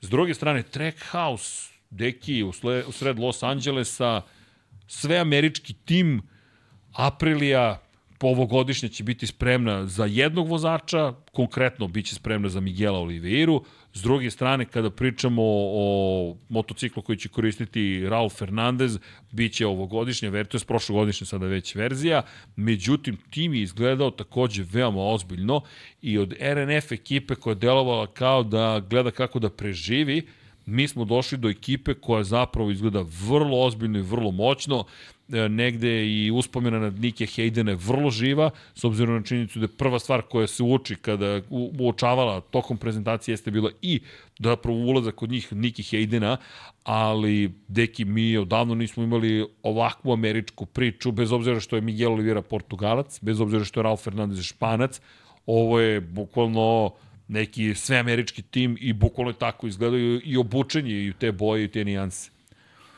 Mm, pa, pa da, i ono, ono što si rekao, mislim, Trackhouse je jedna ozbiljna ekipa u nekim, u nekim drugim kategorijama, ali ne vidim nikakav razlog da se to ne prenese i na, i na, i na ovu Moto, Moto Grand Prix priču, posebno što vidimo tu su se pojavili neki, neki tradicionalni sponzori koji se već dugo godina ovaj, nalaze u, u motociklističkom svetu, tako da očigledno da se vrlo, vrlo ozbiljno radi na, na toj priči i da, kao, kao što si rekao, ovaj, nekako u trenutku kad smo shvatili da RNF-a više neće biti onako, bilo je, ne, bilo je tu i neke zebnje šta će u stvari biti sa sa generalno Aprilijom i, i, i njenim programom za, za, za drugi tim, ali ovo je na kraju ispalo ovako prilično zadovoljavajuće, ovako bar, bar na prvi pogled i zbog ovih nekih stvari koje, koje smo videli tokom prethodnih prethodnih nedelja i generalno mi se sviđa taj taj neki pozitivni stav koji imamo pre svega Miguel Olivira vezan za, za uh, jako tešku prošlu sezonu i, i tu neizvesno šta će se sve desiti za, za 24. i onda na kraju ova čitava priča i taj rasplet ovaj, formiranjem nove ekipe, zadržavanjem vozača i neke, nekim njegovim ambicijama ovaj, koje, koje je već saopštio vezano za 2024. godinu i sa druge strane ovaj, te izjave Raula Fernandeza koju nema uh, barem kroz izjave, tako govori da nema nikakav problem što, što neće, neće voziti naj, najnoviju evoluciju motocikla, jer, kako i sam rekao, prilično zadovoljan onim što se šta je probao u Valenciji da nema nikakav, nikakav problem što se njega tiče da sa tim motociklom nastavi dalje, tako da to je onako jedan vrlo, vrlo pozitivan stav što ne liči na njega kroz neke, kroz neke prethodne sezone, tako da ovaj, ako, ako, ako su stvarno mindsetovi njih dvojice takvi, mislim da će stvarno probati da izvuku maksimum iz, iz, iz motocikla. Deki, vidi kako to izgleda. Mi, pa da, izgledaju, video izgledaju ali ozbiljno. Da, komentarišemo. Izgledaju ozbiljno. Pazi, zaista. američka da. zastava, ali ovo mi ne liči na Haas. Da. Ne dele mi ovo kao, e, nešto smo stavili. Ne, ovo da. je ponosna ekipa, što kažu, idi, ako si Amerikanac, pa budi da, ali Amerikanac. to je vezano za motocikle, kao što vidiš, kombinezoni vozača ne, nemaju naznake američke zastave u smislu ovih zvezdica nego jednostavno ovaj nekako na, na motociklima su imali imaju imaju potrebu da imaju taj patriotski momenat koji koji u stvari donosi tu tu neku neku dozu tog kako bih rekao te te tradicionalne priče vezano za motocikl, motociklizam jer ono ti ja stvarno od kad pratimo ovaj Moto Grand Prix ili kraljevsku klasu kako smo je ranije zvali Amerikanci i Amerika je bila uključena u tu priču i, i, i stvarno ponekad, ponekad nedostaju sa tim nekim svojim pristupom vezani, vezani, vezan za, za, za motociklizam, tako da mislim da, da ovaj, ovo je u stvari jedno pravo pravo osveženje za, za Moto Grand Prix, jer, jer dugo nismo imali američku ekipu u šampionatu, a mislim da Trackhouse stvarno možemo da smatramo američkim timom. Pa da, pogledaj ovo, Trackhouse je najvidljiviji, ispod je Aprilia Racing i Sterile Garden. Ja ne znam da, da li koliko ljudi je ispratilo šta je Steril Guard u celoj priči, osim što je sponsor koji dugi niz godina zapravo prisutan. Steril Guard u genima ima motociklizam. Bukvalno. Nema šta a, to. A radi se o kompaniji koja se bavi zapravo mlečnim proizvodima. Tako je i proizvode mleko. Mle, mleko i mlečne proizvode, ne šalim Ili se kad ti, to govorim. Kako, kako bi se ovo prevo, čuvar sterilnosti. čuvar čistoći, čistoće, da, je tako da, bravo, da ga čuvar čistoće. Čuvar čistoći, da. inače da. sa severa Italije i to je tamo na granici sa Venetom i Emilijom Romanjom, ako se ne varam, tu negde bi trebalo da se nalazi Mantua, ako dobro izgovaram. Mantova.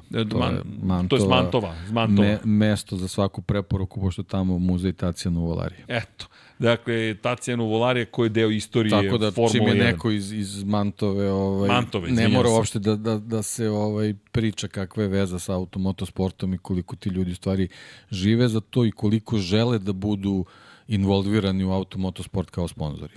Steril Garda da. je sastavni deo motociklizma, da. pogotovo ako pogledaš Superbike, tamo je i tekako došlo Da, i mislim da je, ako se dobro sećam, mislim da je bila vezana za sponzorstvo Aprilije u eri Maxa Bjađe dok je on bio u Apriliju Superbike. Jeste. I, ako se dobro sećam. I ono što Stern, je Garda bila zvanični partner već i RNF ekipi, međutim sada odjednom postaje mnogo, mnogo istaknutija. Istaknutija, da. I ono što je tu zanimljivo, inače, kompanija koja, ako pričamo, na primjer, od 57 milijardi prometa kod kod Jelte Pertamine, ova kompanija ima promet od oko 240 miliona eura, što nije naravno mači i kašalj, ali ako da. poradimo te skale, ali generalno za nekoga ko ulazi u priču kao što je Trackhouse sasvim dovoljno da ima ovako jednog pre svega renomiranog sponzora zato što a, pojavljivanje ovakvog sponzora na motociklu automatski donosi uzbiljnost čitavoj priči. Jeste i ekipa koja tamo 2000 četvrte, treće, ne znam nija kada se pojavila u svetskom šampionatu u Superbajku,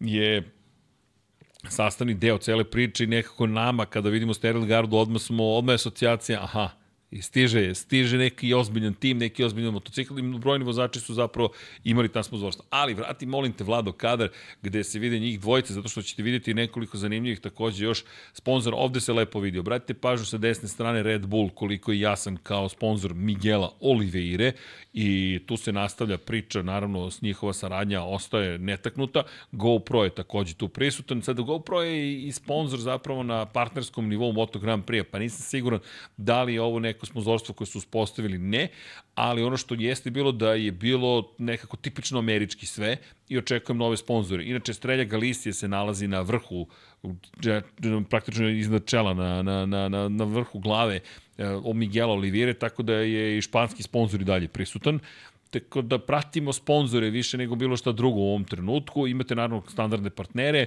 proizvođače kaciga, proizvođače opreme, proizvođače guma, Michelin koji naravno u celom šampionatu proizvodi gume za sve po, po sili ugovora i naravno Piaggio grupacija koja u čijem je vlasništvu Aprilia koji su motocikli na, na, na, na samoj fotografiji, e to je već nešto drugo.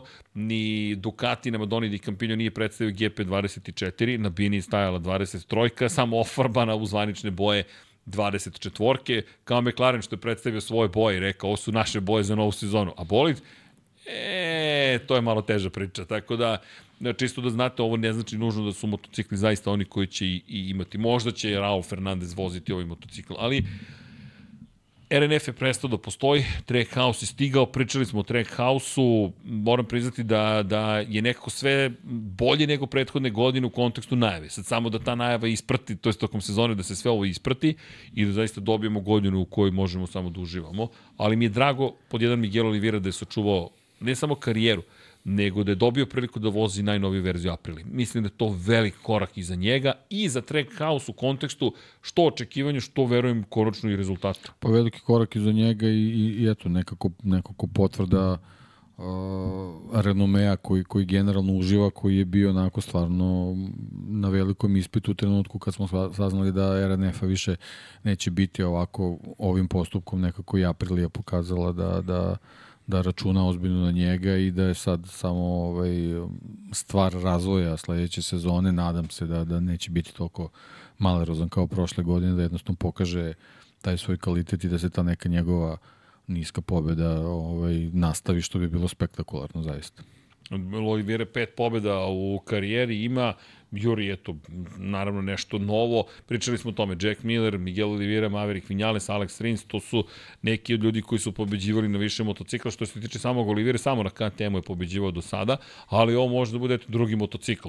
Jack Miller bi mogao da dođe do trećeg, Alex Rins takođe kao i naravno Maverick Vinales u svakom slučaju lepo je bilo videti da od one situacije koju smo imali zapravo dobijem, jer vidi, ja moram ti priznam, ja nisam znao šta da očekujemo nužno od Trackhouse-a kada su potpisali ugovor. Da, znali smo da je ozbiljno, međutim kako odmiče vreme, sve ozbiljnije, ozbiljnije je ovde. Pa jeste, ali nekako je, mislim, sad, sad ne zvuči banalno, mislim, generalno zvuči kao jednostavnije priča iz prostog razloga što nisi ti taj koji sad treba da se bavi nekom konstrukcijom motocikla. Ti praktično dobijaš ovaj, u sanducima mašine i, i praktično samo trebaš da, da ih ofarbaš u, u, u svoje oklope, pa je nekako jednostavnije ući u čitavu priču, posebno ako, ako imaš sve, sve dobro izbudžetiram nego kao na primjer u Formuli 1 gde sve prvo više struko skuplje, gde kao drugo ti moraš da uđeš kao konstruktor sobstvenog bolida, što je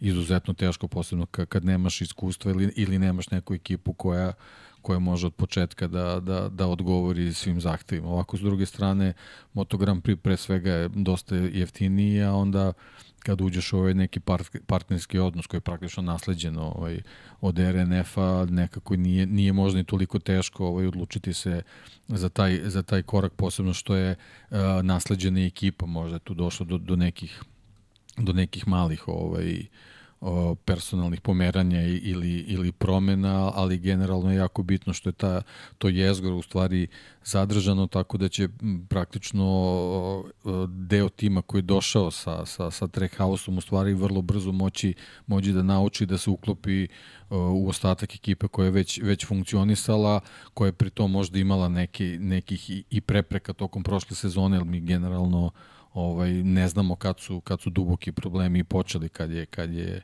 kad je sve u stvari preslo da funkcioniše onako kako kako treba tako da će oni možda sad biti malo malo rastrećeni posebno ako ako ta čitava priča oko tog finansijskog dela bude bude zdravije tako da ovaj generalno ima razloga za optimizam ali Uh, imajući vidu te neke probleme koji fabrički tim je Aprili imao prošle sezone, možda se neće ići baš toliko, toliko jednostavno, ali generalno ti motocikli su pokazali da imaju potencijal, tako da ako sve bude a, prošlo kako treba i ako su ti, ti ne, te neke poteškoće možda sad u, u hodu ovaj, generalno otklonjene možda i od Raula i od uh, Miguela možemo da, da očekujemo neke, neke dobre rezultate bez obzira na, na, na verzije motocikla kada pričamo o finansijskoj konstrukciji, to, to ono što je lepota priča o Trackhouse-u.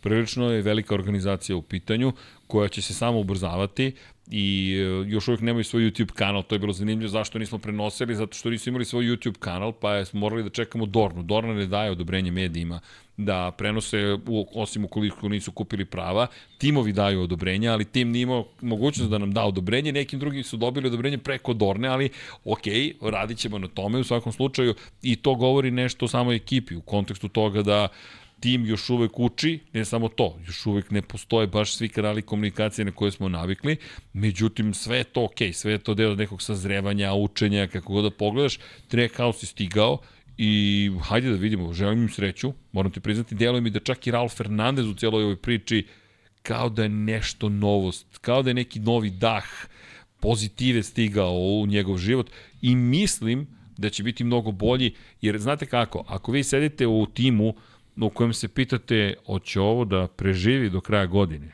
a kamoli do sledeće godine, a i to ne na nivou, znam sigurno da će ovaj, kao Gresini, sigurno će tim postojati, samo je pitanje kako će rešiti pitanje svog postojanja. Jer sa Gresinijem se nikad nije postavljalo pitanje, osim kada je nažalost preminuo, da li će taj tim postojati ili ne. Sa RNF-om, koji nema istoriju, ti si na vrlo klizavom terenu i to se osjeća, moj mišljenje, to se osjeća u vožnji, u ponašanju mehaničara svih. Sa Trackhouse-om ti ne moraš da namišljaš da li će plata da legne. Ti znaš da će to sve biti okej, okay. sad samo je pitanje u celoj ovoj priči ovo što si rekao, šta zapravo može ceo tim Aprilija da učini, ali isto tako mislim pa, da je Aprilija sada... Jeste, nego ja, ja, ja ono stalno imam u glavi te, te probleme koji su imali sa, sa, sa tim, eto konkretno, tim, tim odvođenjem, na primjer, tog toplog vazduha koji stvarno pravi ogroman problem na, na, na trkama ovaj, gde su bile visoke temperature, gde oni prilično dugi vremenski period nisu uopšte znali kako da reše problem. Uh, I ja, ja se samo nadam da se neće desiti, da, nadam se prvo da je Ali... ovaj problem rešen i da se neće desiti ponovo neki, neki sličan problem koji će, uh, koji će zahtevati suviše dugo vremena da ga reše, koji će ih jednostavno uh, skrajnuti sa tih nekih, nekih primarnih ovaj, aktivnosti oko, oko pripreme motocikla, zato što uh, kao, kao da ih prilično poremeti kad se dese neke stvari koje, koje jednostavno ne očekuju, niti bilo ko drugi ima te probleme. Tako da nadam se, nadam se da, da, da, da su konačno isplivali, mislim ne mogu sad da kažem da su dečje bolesti, to, već, već april je dosta, dosta dugo prisutna tu i ovaj, kad se pojave tako neke stvari o, o, o, o koje ti u stvari, na koje ti ne računaš ovaj, u, u, u pripremi izradi motocikla, onda stvarno, stvarno može da bude veliki problem. Inače, Aprilija, kada pričamo o, ajde, hajde ovako, da li ti deluje da će Aprilija, s obzirom na činjenicu da ovo sada američki tim, imati negde i motiv da kaže čekaj, ulazimo na potencijalno veoma veliko tržište. Aprilia je prodao negde oko 8000 motocikla u Americi, što nije neka pretredno velika suma, naprotiv, to je na nivou Amerike zaista malo. Da, to je ono kao prisutni smo. Od prvike. Ali ovo sada možda može da da neku dodatni, sigurno bi trebalo da da dodatni marketing, u kontekstu toga možda će Aprilia reći čekaj, ok, sad imamo većeg igrača u sebe, možda je potrebno i mi da napravimo sledeći korak, jer uz RNF, RNF je bio bukvalno satelit koji te prati. Trackhouse neće imati ambiciju prati. Ne, ne samo to, nego znaš kako, sa, sa dobrim rezultatima Trackhouse-a ja mislim da će i američki Superbike šampionat koji je generalno ovaj, na, na, na dobrom glasu i na dobrom nivou, ovaj malo uzavreti zato što će verovatno i neki vozači sa, sa, sa te teritorije možda gledati na Trackhouse kao neku priliku i prečicu da se da se lakše i brže dođe do Moto Grand Prix-a računajući na na njihove korene. Tako da možemo dobiti možda još još jedno tržište ovaj u tom smislu i u stvari još još jedan poligon gde će se ovaj malo intenzivnije regrutovati ovaj novi vozači za Moto Grand Prix. Trackhouse predstavio se, stigao je, čekamo prve testove, inače shakedown testovi počinju 1. februara, danas je 30. januar, već za dva dana u Maleziji prvi izlaze ljudi na stazu, mi očekujemo naravno fabričke vozače i Honda i Yamaha koji po novim pravilima mogu da nastupaju, to ranije nije bio slučaj, međutim koncesije dozvoljavaju svim proizvođačima koji su u grupi D, a u grupi D te koncesione tabele se nalaze Yamaha i Honda, toliko su bile loše prošle godine. Imaćemo priliku da vidimo i Aleksa Rinsa, i Fabio Quartarara, i Luku Marinija, i ne samo njih, već ćemo moći da vidimo uz Luku Marinija, naravno, Joana Mira, zatim Joana Zarka, Takaki Nakagamija, plus probne vozače i Yamaha i Honda. Međutim, u celoj ovoj priči imamo priliku i Novajlije da vidimo. Kada je reč o Novajlijama, ja bih iskoristio priliku deki da se pozabavimo pa možda i najvažnijom osobom koju mi imamo od novih lica. Prošle godine smo imali situaciju da Augusto Fernandez po defaultu bio Novajlija godine, pošto je bio jedini Novajlija. Kako nam je situacija ove godine po pitanju Novajlija? Nije baš da se nešto mnogo toga promenilo. Otprilike smo ostali bez pola Espargara i ispravimo ukoliko grešim. To je to. Stigao je on. Vlado, imaš fotku, vidjet ćete ko je stigao. Stigao je čovek koji je toliko pažnje skrenuo na sebe, a još nije okrenuo kilometar u trci Moto Grand Prix-a, da ja moram da iskoristim fotografiju koju nam je jelte, koja je sa svim medijima svetskim podelila Gas Gas Tech 3 ekipa, na kojoj mislim da je vrlo jasno gde je Red Bull otišao iz Repsol Honda. Nije otišao u Gresini, otišao je zapravo s Pedrom Akostom. Broj 31, 37 će i dalje pripadati Augustu Fernandezu, ali ovo je prva fotka koju mislim da treba da prikažemo u prezentaciji koja je takođe viđena. Gas Gas tim, vidi deki Red Bull, samo ga nalepiš ovako, već mi izgleda ozbiljnije, moram ti priznati. Da, crvena boja je predominantna, ali više to nije onaj gas gas koji je samo crven. Ovo sada možemo slobodno da kažemo da je povratak u prošlost. Zašto? Kada je Tech 3 napustio Yamahu, ne zaboravite, Tech 3 ekipa je 20 godina sarađivala sa Yamahom, međutim Yamaha nije želela da da najnovije modele Tech 3 ekipe. Hervé Poncharal, francuski šef ekipe, je muku mučio, iako je Monster Tech 3 bio tim, dakle zvanični sponsor naziva ekipe je bio Monster i ogromno M zeleno je stajalo na bokovima, to nije bilo dovoljno Yamahi da im da nove motocikle. Pogledaj ovaj stav, deki.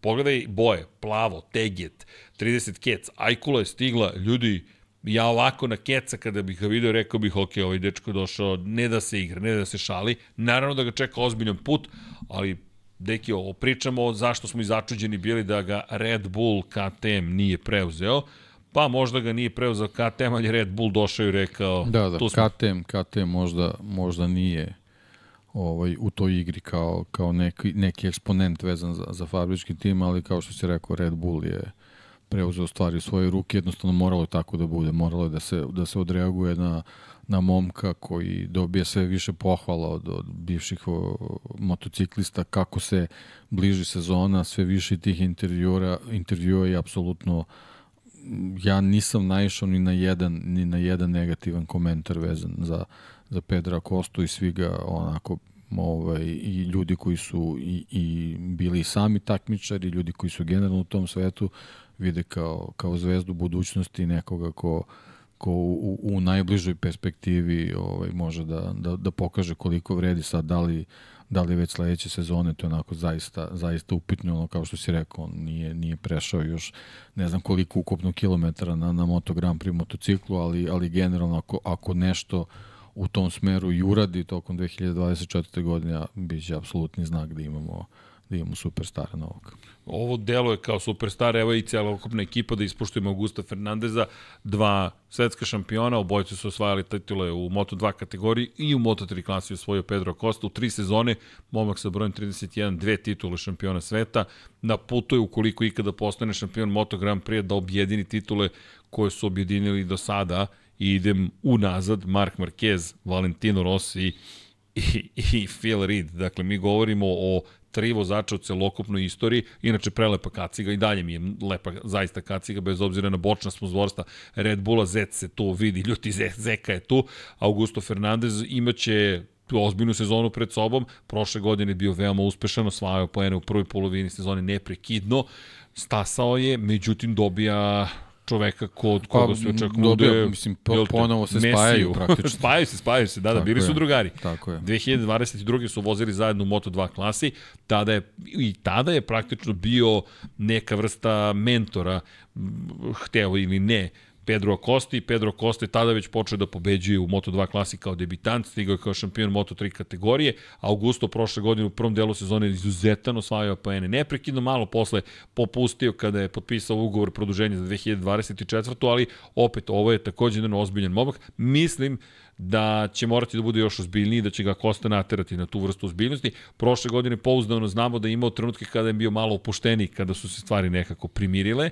Verujte, iza kulisa znamo, ali poenta je da je Augusto sada dobio jednog ozbiljnog igrača i ja mislim da Gas Gas generalno može da se nada vrlo lepim rezultatima. Da, i, i mislim dobro, da, to je to je okej ta ta ovaj relacija vezana za Kostu, ali mislim da da je Augusto i sam vrlo vrlo ozbiljan vrlo ozbiljan igrač, tako da ovaj, posle ove, ove prve godine da je, da je prikupljao iskustvo sa, sa kvalitetnim KTM-om i motociklom možemo i od Augusta Fernandeza da, da očekujemo ovaj mnogo više posebno ovako što kad kad pogledamo ovaj izdanje Gas Gasa za za ovu sezonu ja iskreno nisam nisam očekivao da da će ovako, ovaj, što se tiče tog dizajna, da, da izgledaju ozbiljno da će Red Bull u velikoj meri da bude da bude zastupljen na, na, na motociklima, ali jednostavno ovo kad vidimo, bukvalno možemo da znamo gde, gde je deo tog ogromnog sponzorstva koje Red Bull davao Repsol Hondi ovaj, prešao kada pogledaš, ovo je ono što smo očekivali da ćemo zapravo videti u Ričoneu kada se prezentovala ekipa Grecinija. Realno, ja sam ovo očekivao iskreno da će Red Bull biti ovako na neki način zastupljen, međutim... Da, ali Red Bull i ovim gestom jednostavno pokazao da je, da je kompanija koja uvek gleda u budućnost i budućnost mora da bude ovaj usmerena ka, ka nekim novim mladim masovima koji, koji generalno ovaj, trebaju da u nekoj perspektivi zavladaju Moto Grand Prix. Pre svega mislim na, na Pedra Kostu, donekle i na, na Augusta Fernandeza koji nije tako, tako mlad, ali, ali uvek uvek iz te perspektive gledam i ka Raulu Fernandezu. Raul, ja mislim da Trackhouse može zaista da oživi celu priču sa, sa Raulom Fernandezom. To je samo neki utisak ovako sa strane. Teško je, možda smo samo srećni što vidimo motocikle, pa je sve tako nekako blještavo, sjajno, puno boja, e, stigla je neka ekipa koju nismo očekivali da će se uopšte pojaviti. Biće samo, samo jako važno da koliko god je to moguće, da, da nemamo, kao što smo imali u, u prethodnim sezonama, na situacije sa Remijem i sa Raulom u, ovaj, u, u, u tek tri ekipi ili kao što smo imali sa Diđom ove, ove godine na, na, na početku sezone ili, ili kao što smo imali ove situacije ve, vezano za, za Morbidelli i Yamahi da, da neko ne bude upadljivo loših od ostalih, nego da imamo taj tu neku neku kompaktnu grupu vozača gde ćemo na, na, svakoj trci e, imati situacije da, da će određeni detalji odlučivati ko će ovaj da da stigne do dobrih rezultata na na određenoj velikoj nagradi. Mislim da da će to u stvari da bude jedan novi veliki kvalitet uh, Moto Grand Prix i sve ove dosadašnje prezentacije nekako ovaj pokazuju da možda možemo da budemo blizu blizu toga, al naravno mi jednostavno ne možemo ne možemo da znamo da li da li će tolika izjednačenost uh, biti kad su motocikli u pitanju i da li će recimo GP24 da bude značajnije bolje od 20 23 ili da li će novi novi KTM-ovi motocikli moći da da uhvate priključak bukvalno na, na svakom trkačkom vikendu i, i koliko će se uh, Aprilije u ovogodišnjoj verziji razlikovati od prošlogodišnje i da li će ta pro, prošlogodišnja da, da, da, da dođe sa tim nekim ispravljenim manama koje imali. Tako da ima tu mnogo, mnogo parametara, ali, ali generalno ove prezentacije nam u stvari pokazuju da uh, da možemo da računamo na neku iz, još izjednačeniju sezonu, ako može da bude izjednačenija od one koje smo imali prošle godine. Kada pričamo o izjednačenosti sezone, i imamo, imali smo situaciju koja je bila najvažnija, to je borba za titulu šampiona sveta, međutim, prezentaciju vice šampiona moramo da čekamo do 28. februara, tako da po pitanju neizvesnosti, kada govorimo o pojedinačnim trkama, zaista si imao milion situacija gde ne znaš zapravo ko će se naći među dvojicom najboljih koji su bili Jorge Martini, konkretno na kraju šampionu Peko Banjaja, ali evo, po, povećava se broj ljudi. Kada govorimo o očekivanjima za, za Pedra Kostu, ja se samo ne bih zaletao, mislim da i ti ja izbegamo zaletanje, čeka njega ozbiljan posao. Dakle, priča o pobedama, titulama, polako, ljudi, on tek ulazi u, u možda je on Ajkula, ali sad ulazi u okean koji je pun grabljivica ozbiljnih, da li su kitovi ubice, da li su ajkule, da li su delfini, nemam pojma, ali neće biti lako, ni malo. Pa ne, naj, najzanimljivije od svega je što sam ja uveren da on potpuno spreman za to. Iz nekog razloga imam, imam taj osjećaj, ne znam, ne znam zašto, zašto, zašto uopšte tako, tako razmišljam kad je on u pitanju, ali, ali generalno, kažem, i kroz te neke i njegove izjave u medijima i kroz izjave ovaj, aktera koji su, koji su generalno u toj čitovi priči oko njega, ovaj, a, cela ta situacija a, koja, koja se podigla i koja je u jednom trenutku vodila do toga da, da, da se možda desi da se Pedro Acosta ne nađe u, u Moto Grand Prix, sva ta neka nerealna i očekivanja i iščekivanja su verovatno bili ogromni pritisak za njega i sad sad je samo pitanje da li, da li je sve to kad se, kad se rešilo i kad je, kad je ova čitava priča sa ovom celom podrškom koju, koju, koju uživa ovaj, kad, je, kad je krenulo, da li je to u stvari donelo samo to njegovo veliko rastarećenje koje, koje je generalno uvek potrebno tako vanserijskim talentima kakav i on da, da u stvari se pokaže u pravom svetlu. Naravno, tu je moment i motocikla. To je jednostavno stvar koja, koja ne sme tek tako da se, da se stavi sa strane. Ovaj, mi iz prošle godine nemamo pravu sliku ovaj, koliko, koliko je KTM u stvari uspeo da, da napravi motocikl koji će biti konkurentniji i da li je, da li je ovaj motocikl iskorak u odnosu na, na prošlu sezonu ili je jednostavno te neke performanse vozača možda u stvari nisu, nisu bile u skladu sa, sa mogućnostima motocikla. To je onako stvarno ovaj, veliko pitanje, ali odgovor ne možemo da dobijemo osim kad, kad, se, kad se pojave na stazi u momentima kad se budu motocikli pripremali za, za trkački ritam. Kada pričamo o sad očekivanjima, lepo si rekao, ja imam utisak velikana Ja imam utisak čoveka koji, znaš na me podsjeća, znam da idem, sežem daleko u prošlost, ali to je, da, Mark Marquez, Valentino Rossi, Mick Dunn i tako dalje. Međutim, mene čak podsjeća, morate pristiti na Michaela Jordana. U kom kontekstu? U kontekstu toga, i ljudi, mo, Chicago Bullsi nisu bili preterano ozbiljan tim kada je Jordan stigao u taj tim. Ne kažem da će on gaz gaz da preokrene sad na glavački. Ima tu bitan moment motocikla koji se spomenuo, doći ću na to. Ali taj stav, ja sam ovde da bismo mi došli do vrha. I nije pitanje kada, sam, niti kako, to ne znam, ali znam da ću doći. I jer da. tako mi deluje, kao čovek koji je svestan da je sve manje od toga, prosto se njega da. niti tiče, pa niti da, hoće da učestvuje u tome. I ovaj, nekako ovo sve posjeća, ne moram da idem u druge sportove, 2011. i Mark Marquez u, u, u Moto2 kategoriji, jednostavno svi su znali da je potpuno izvestan taj njegov korak u, u Moto Grand Prix i eto, taj, taj link sa Markezom, mislim, on je praktično preuzeo Red Bull od Markeza. E, to sam htio da ti kažem. Mislim da i ovo, što kažu Sign of Times, znak vremena. Red Bull ne ide po svaku cenu da sponzoriše tim u kojem je Mark Marquez, možda će ostati na nivou ličnog sponzora, ali uz dužno poštovanje prema pa, Oliviri. Pa kao što Olivira, da.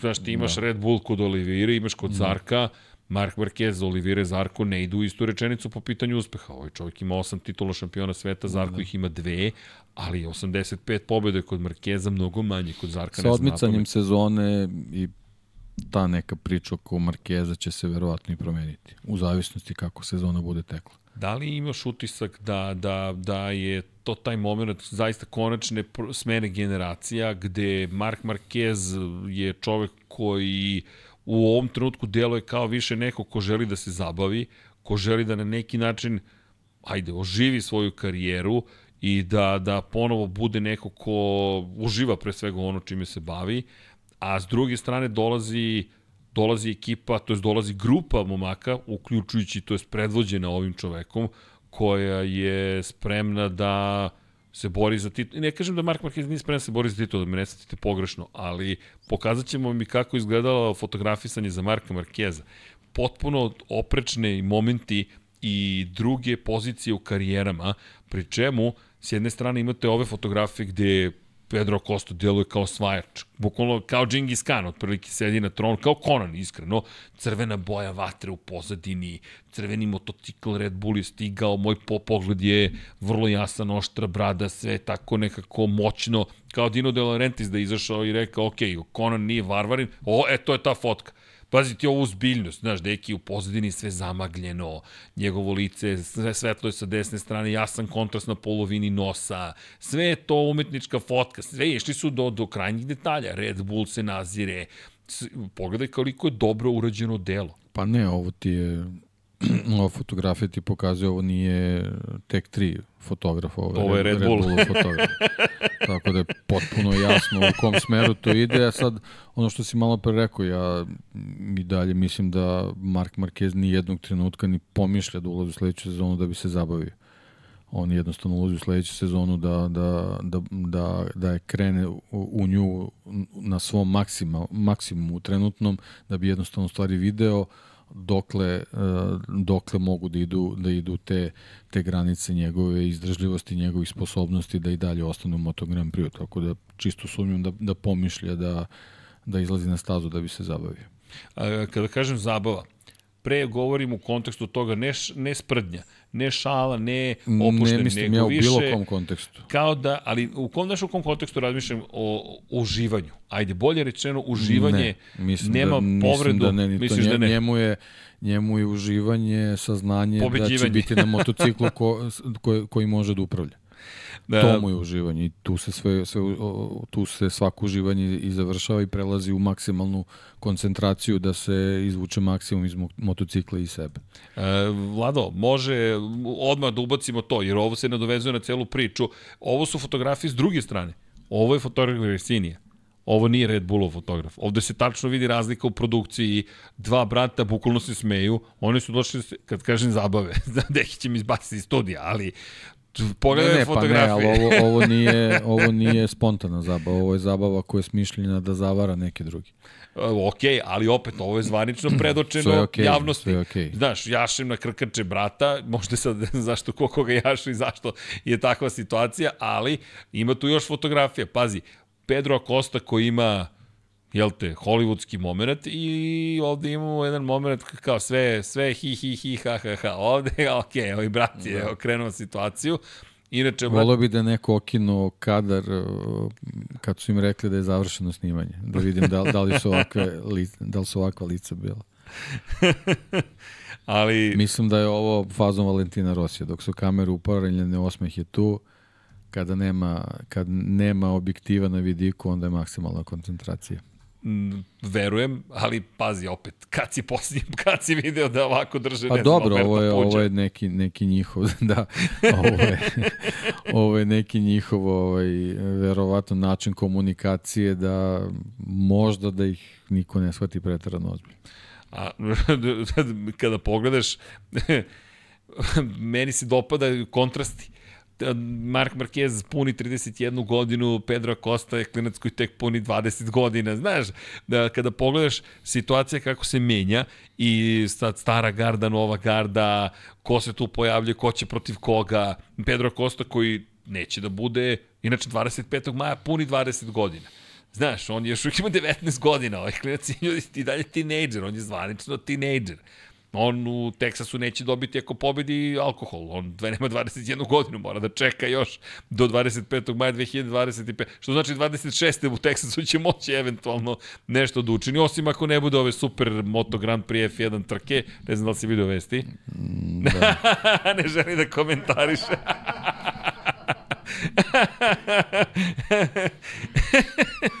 Ali deki, vidi, to je vest. Moramo da dotaknemo se toga. Makar pip. Vesti, naravno. to Vest je je, okej. za one koji ne znaju, sve više se priča o tome da će se desiti trka zajedničkog vikenda Formula 1 i Moto Grand Prix, sad se spominje Texas, to je Pa sport. realno jedina staza gde bi ta nebuloza mogla da se desi.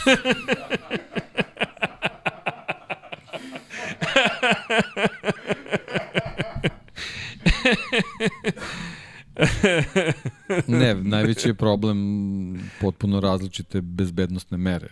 O, i u Moto Grand Prix u Formuli 1, tako da jako je teško da se, da se uklopi bilo šta i neko je seo i mozgao i došao je do, do zaključka da, da zbog čitave ove amerikanizacije, zbog mogućnosti da, da dobiješ uh, u najmanjem trošku bezbednostne mere koje odgovaraju Formuli 1 i Moto Grand Prix i kad se to sve onako zbrčka, dođeš do toga da je realno Texas jedino, jedino onako moguće rešenje da se na toj stazi održi taj kako god se to zvalo, super vikend. Ja sam ga prozvao super vikend, Da, ali ne znam kako drugačije da, da, da, ga, da, ga, da ga nazovem ali činjenice da što više ima dima, cenim da je vatra sve bliže zapravo i da je gotovo izvesno da ćemo dobiti Ne, trebali bi vikend. naprave neke igre bez granica, da imaš vozače koji mogu da vozi jedno i drugo, pa recimo tu bi Valentino Rossi mogao se vrati da vozi Formulu 1, i onda posle toga da sede na Moto Grand Prix. Možemo i tako.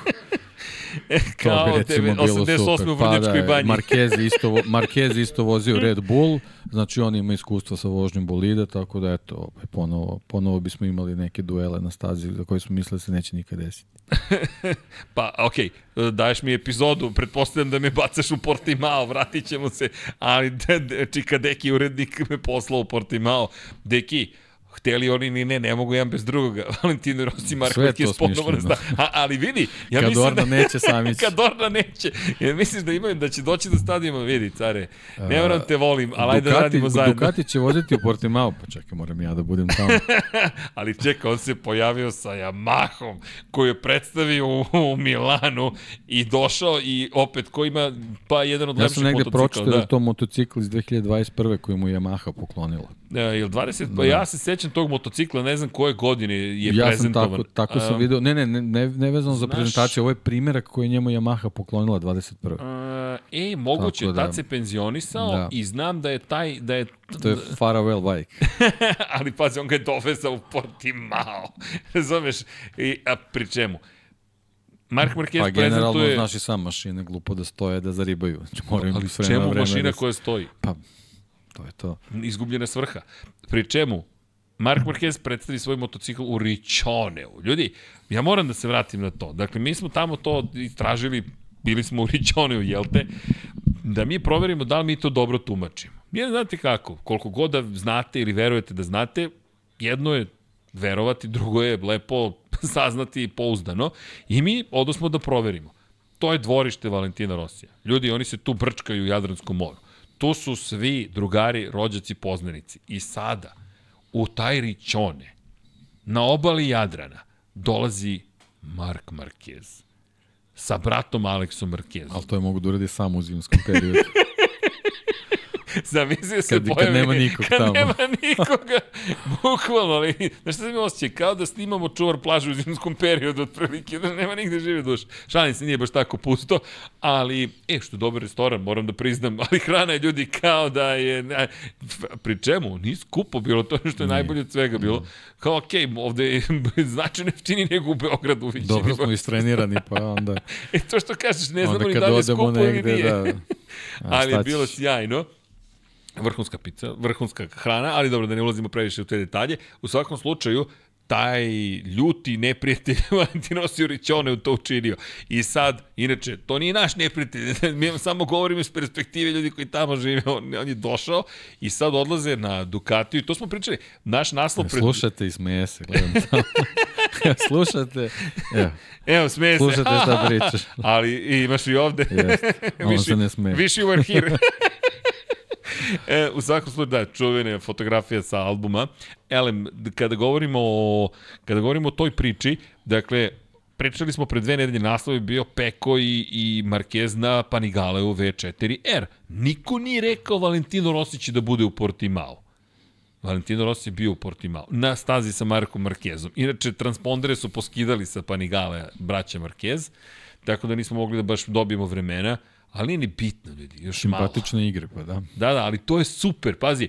I, evo, i to smo pričali ponovo, Formula 1, nemaš tu šta, gde, sad pojave se Hamilton i Verstappen kako voze Ferrarije ili ne znam nija šta negde na nekoj stazi, čisto da vidimo kako će se ponašati jedan prema drugom. Neće, oni će se sresti na zvaničnom testu u Bahreinu i to će biti to. Ova dvojica se sreću po, na obalama mora, na stazama. Znaš, to je zabavna igra i super je gledati kako se sezona razvija, pri čemu jedan je u penziji i vozi GT trojke, drugi je u najtežoj situaciji koji ikad bio u karijeri, stižu im neki novi klinci, Rosijeve pola škole, pri čemu Rossi poslao špione svugde manje više, kao imperator. Dakle, imaš čoveka do skora koji mu je bio u Yamahi, Franco Morbidelli, koji je sada u Ducatiju, sad je poslao brata u Hondu, idi proveri Luka kako je situacija tamo, I sad, sve ove godine ističe ugor sa V46 ekipom. Markezu ističe ugor na kraju ove sezone. Tek i tek 2025. kako će da bude, ba to je cirkus. A pazi, mi smo tamo U u julu januaru. ćemo da pričamo ko gde prelazi u 25. Kao Lando Norris i Charles Leclerc, svi potpisuju negde, razumeš, ko, gde, šta, kako, kome, kako, koliko, ali sve to, sve je fenomenalno, zaista. I zato i mi smo potpuno dušeni, kao mala deca. Zima Moto Grand Prix, ovo je zima Moto Grand Prix, zima dolazi. A? Igre tronova. Ovo, e, ovo treba da piše Martin. ovo mi, Da. da. ko će čiji tron da otme i da uzme. Pri čemu, znaš koga niko nije spomenuo? Peka Banjaju. Da li je Iko sa izvešta iz Portima spomenuo čoveka koji brani dvostruku uzastopnu šampionsku titulu? To je to prokletstvo. Ove Prokletstvo. dvojice. Prokletinje, razumeš? Ja sam šampion, ja nosim broj 1. Ostavite me, da mi- ne.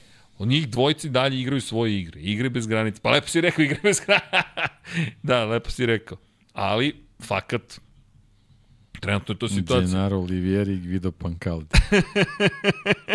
Gde si to izvukao, deki, iz cele priče?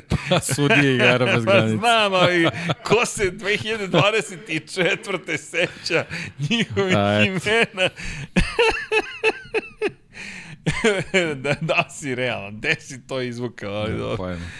Au. Samo se javio. da samo se javilo. Dobro, ajde, sve se javlja. E, ali, mi ćemo da ispuštujemo svetskog šampiona, zato što smo mi Lab 76, tako da ćemo makar da vam prikažemo kako izgleda nova livreja, jer lepa je bila prezentacija Ducati, ali nije bilo preterano moderno, moram priznati da imaju još puno posla. Pri čemu, evo, VR46 i ki- i tim je objasnio kako možeš sa ne previše novca da uradiš lep posao. To je ono što smo pričali. Gresini tu ima još puno da uči, ali nema direktora marketinga koji imaju VR46 ekipu. Pa dobro, generalno manje ekipe trebaju da uče, a što se tiče velike fabrike, kao što Ducati, to je ono, više, više će se oslanati na, na te tradicionalne priče. Da, ali Vlado udri sliku, moramo da ispoštujemo čoveka. Evo, pogledajte najzad. Inače, nije ovo GP24. Ko zna kad ćemo ga videti, ali su ovo nove boje. I, ok, lepo je videti. Pozdrav za ekipu Ducati. E, hvala im što su dozvolili da uradimo restream. To je bilo vrlo lepo. Nismo dobili nijedan copyright claim. Mada, Sky Italija nam je opalio claim, pa je odbio claim, pa smo pred strajkom zbog Sky Italija, ali to ćemo da razgovaramo kad ih sretnemo. To je neka druga priča. U svakom slučaju, lepo izgleda ovaj motocikl, deki. Vidi, stvarno izgleda šampionski i sponzori, baš se vidi da je korporacija u pitanju. Ne znam kakav je tvoj utisak, meni delo je školski. Znaš, jedan ofarban motocikl pun sponzora. Pa dobro, koji da, uz neke sitne izmene, čisto da bi se ovaj, nagovestilo da je vezano za, za novu sezonu, za, za novu priču, ali, ali generalno i, i ovo je pokazatelj te jedne nove igre koja se ovaj dešava u Moto Grand Prix da se ne otkrivaju svi aduti. Da, To je nešto s čim se nismo do sad susretali na, na, na taj način. Zaista je napred, ali vidite, opet, opet praćamo se priči o Formuli 1 i tim stvarima.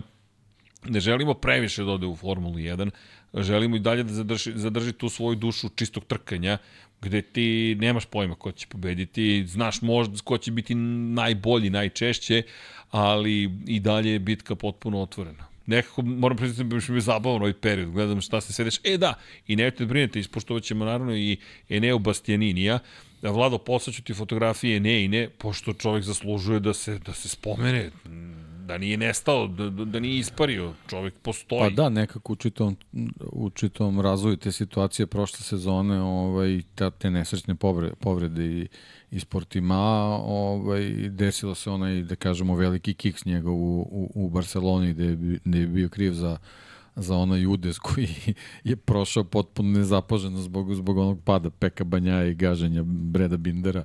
Ove, ali eto generalno posle tog kiksa u Barceloni se nekako nekako je počelo oko njega da da da da kruži priča da li je da li je dovoljno ovaj um, uh, kako bih rekao da li je da li je da li zaslužuje to to mesto ovaj drugog vozača u, u, u fabričkoj ekipi i sad je na njemu u stvari da da ove sezone što važi i za Miguel Oliveira, što sam već rekao da da da pokuša jednostavno da da, da ne mogu sad kažem da izbegne ovaj, te, te, te padovi, te teške povrede, mislim, to je jednostavno jako teško da, da, da možeš na, na sve te faktore da utičeš, ali generalno ako, ako uspe da, da ostane, da ostane zdrav, od njega će najviše zavisiti da li će biti u igri da, da produži ugovor i, i da nastavi priču sa, sa fabričkim ekipom Ducatija. Ako to uspe, to će automatski značiti da, da pored njegovog imena imamo zabeleženi veći broj, veći broj pobjeda, a samim tim će ući u konkurenciju da, da, da se bori i za titulu. Tako da kod njega je situacija vrlo jednostavna, sve je povezano i ono, ono što, što je neophodno da uradi to su to su ovaj dobri rezultati, možda je zbog toga i, i, i na, na, na većem ispitu i sa većim pritiskom nego što je sam Peko Banjaje. Peko, kada pričamo o o pritiscima, mislim da, da on ima pritisak nekog potpuno drugog smera. Možda to može da pomogne i ne. Ali mislim da se sve, sve lepo rekao, ne bih ja tu nešto preterano dodavao. Činjenice da nekako od čoveka od koga tako mnogo očekamo došli smo do toga da je ogromne nepoznanice. I nemamo pojma, mi stvarno ne znamo, tu je baš velika priča. Šta ako bude dobro, šta ako Marquez bude dobro, šta ako i Martin bude dobro, šta ako svi budu dobri. I onda dođeš u situaciju šta sad, Pa, znaš kako, najvažnije će biti u nekoj izjednačenoj sezoni da u stvari dokažeš svoj kvalitet. Sad, šta će to biti u brojkama, u ovom trenutku ne možemo da znamo. Da li, je, da li će kvalitet biti tri pobede u sezoni od 22 ili će biti, ne znam, 10 pobeda. Jednostavno to, to u ovom trenutku ne možemo da znamo, ali kad već pričamo ovaj, o kad sam već spomenuo broj trka, ne znam da li si vidio da se pojavila vez da je pod velikim znakom pitanja trka u Argentini. Zato što da, tamo neka velika, velika su politička previranja i kako sada stvari novi stoje. Je stigao. Da, stigao je novi predsednik, tu su sad sad neka velika previranja i može se desi da, da, ovaj, da samo takmičenje ostane bez finansijske podrške države, što će apsolutno momentalno značiti da, da trka u Argentini neće biti. I mi onda dolazimo u situaciju da... Pa ponavlja nam se opet sezona kao, da. kao prošle godine što smo imali neke neplanirane ne, ne pauze u, u trenutku kad pauze ne treba da vodi.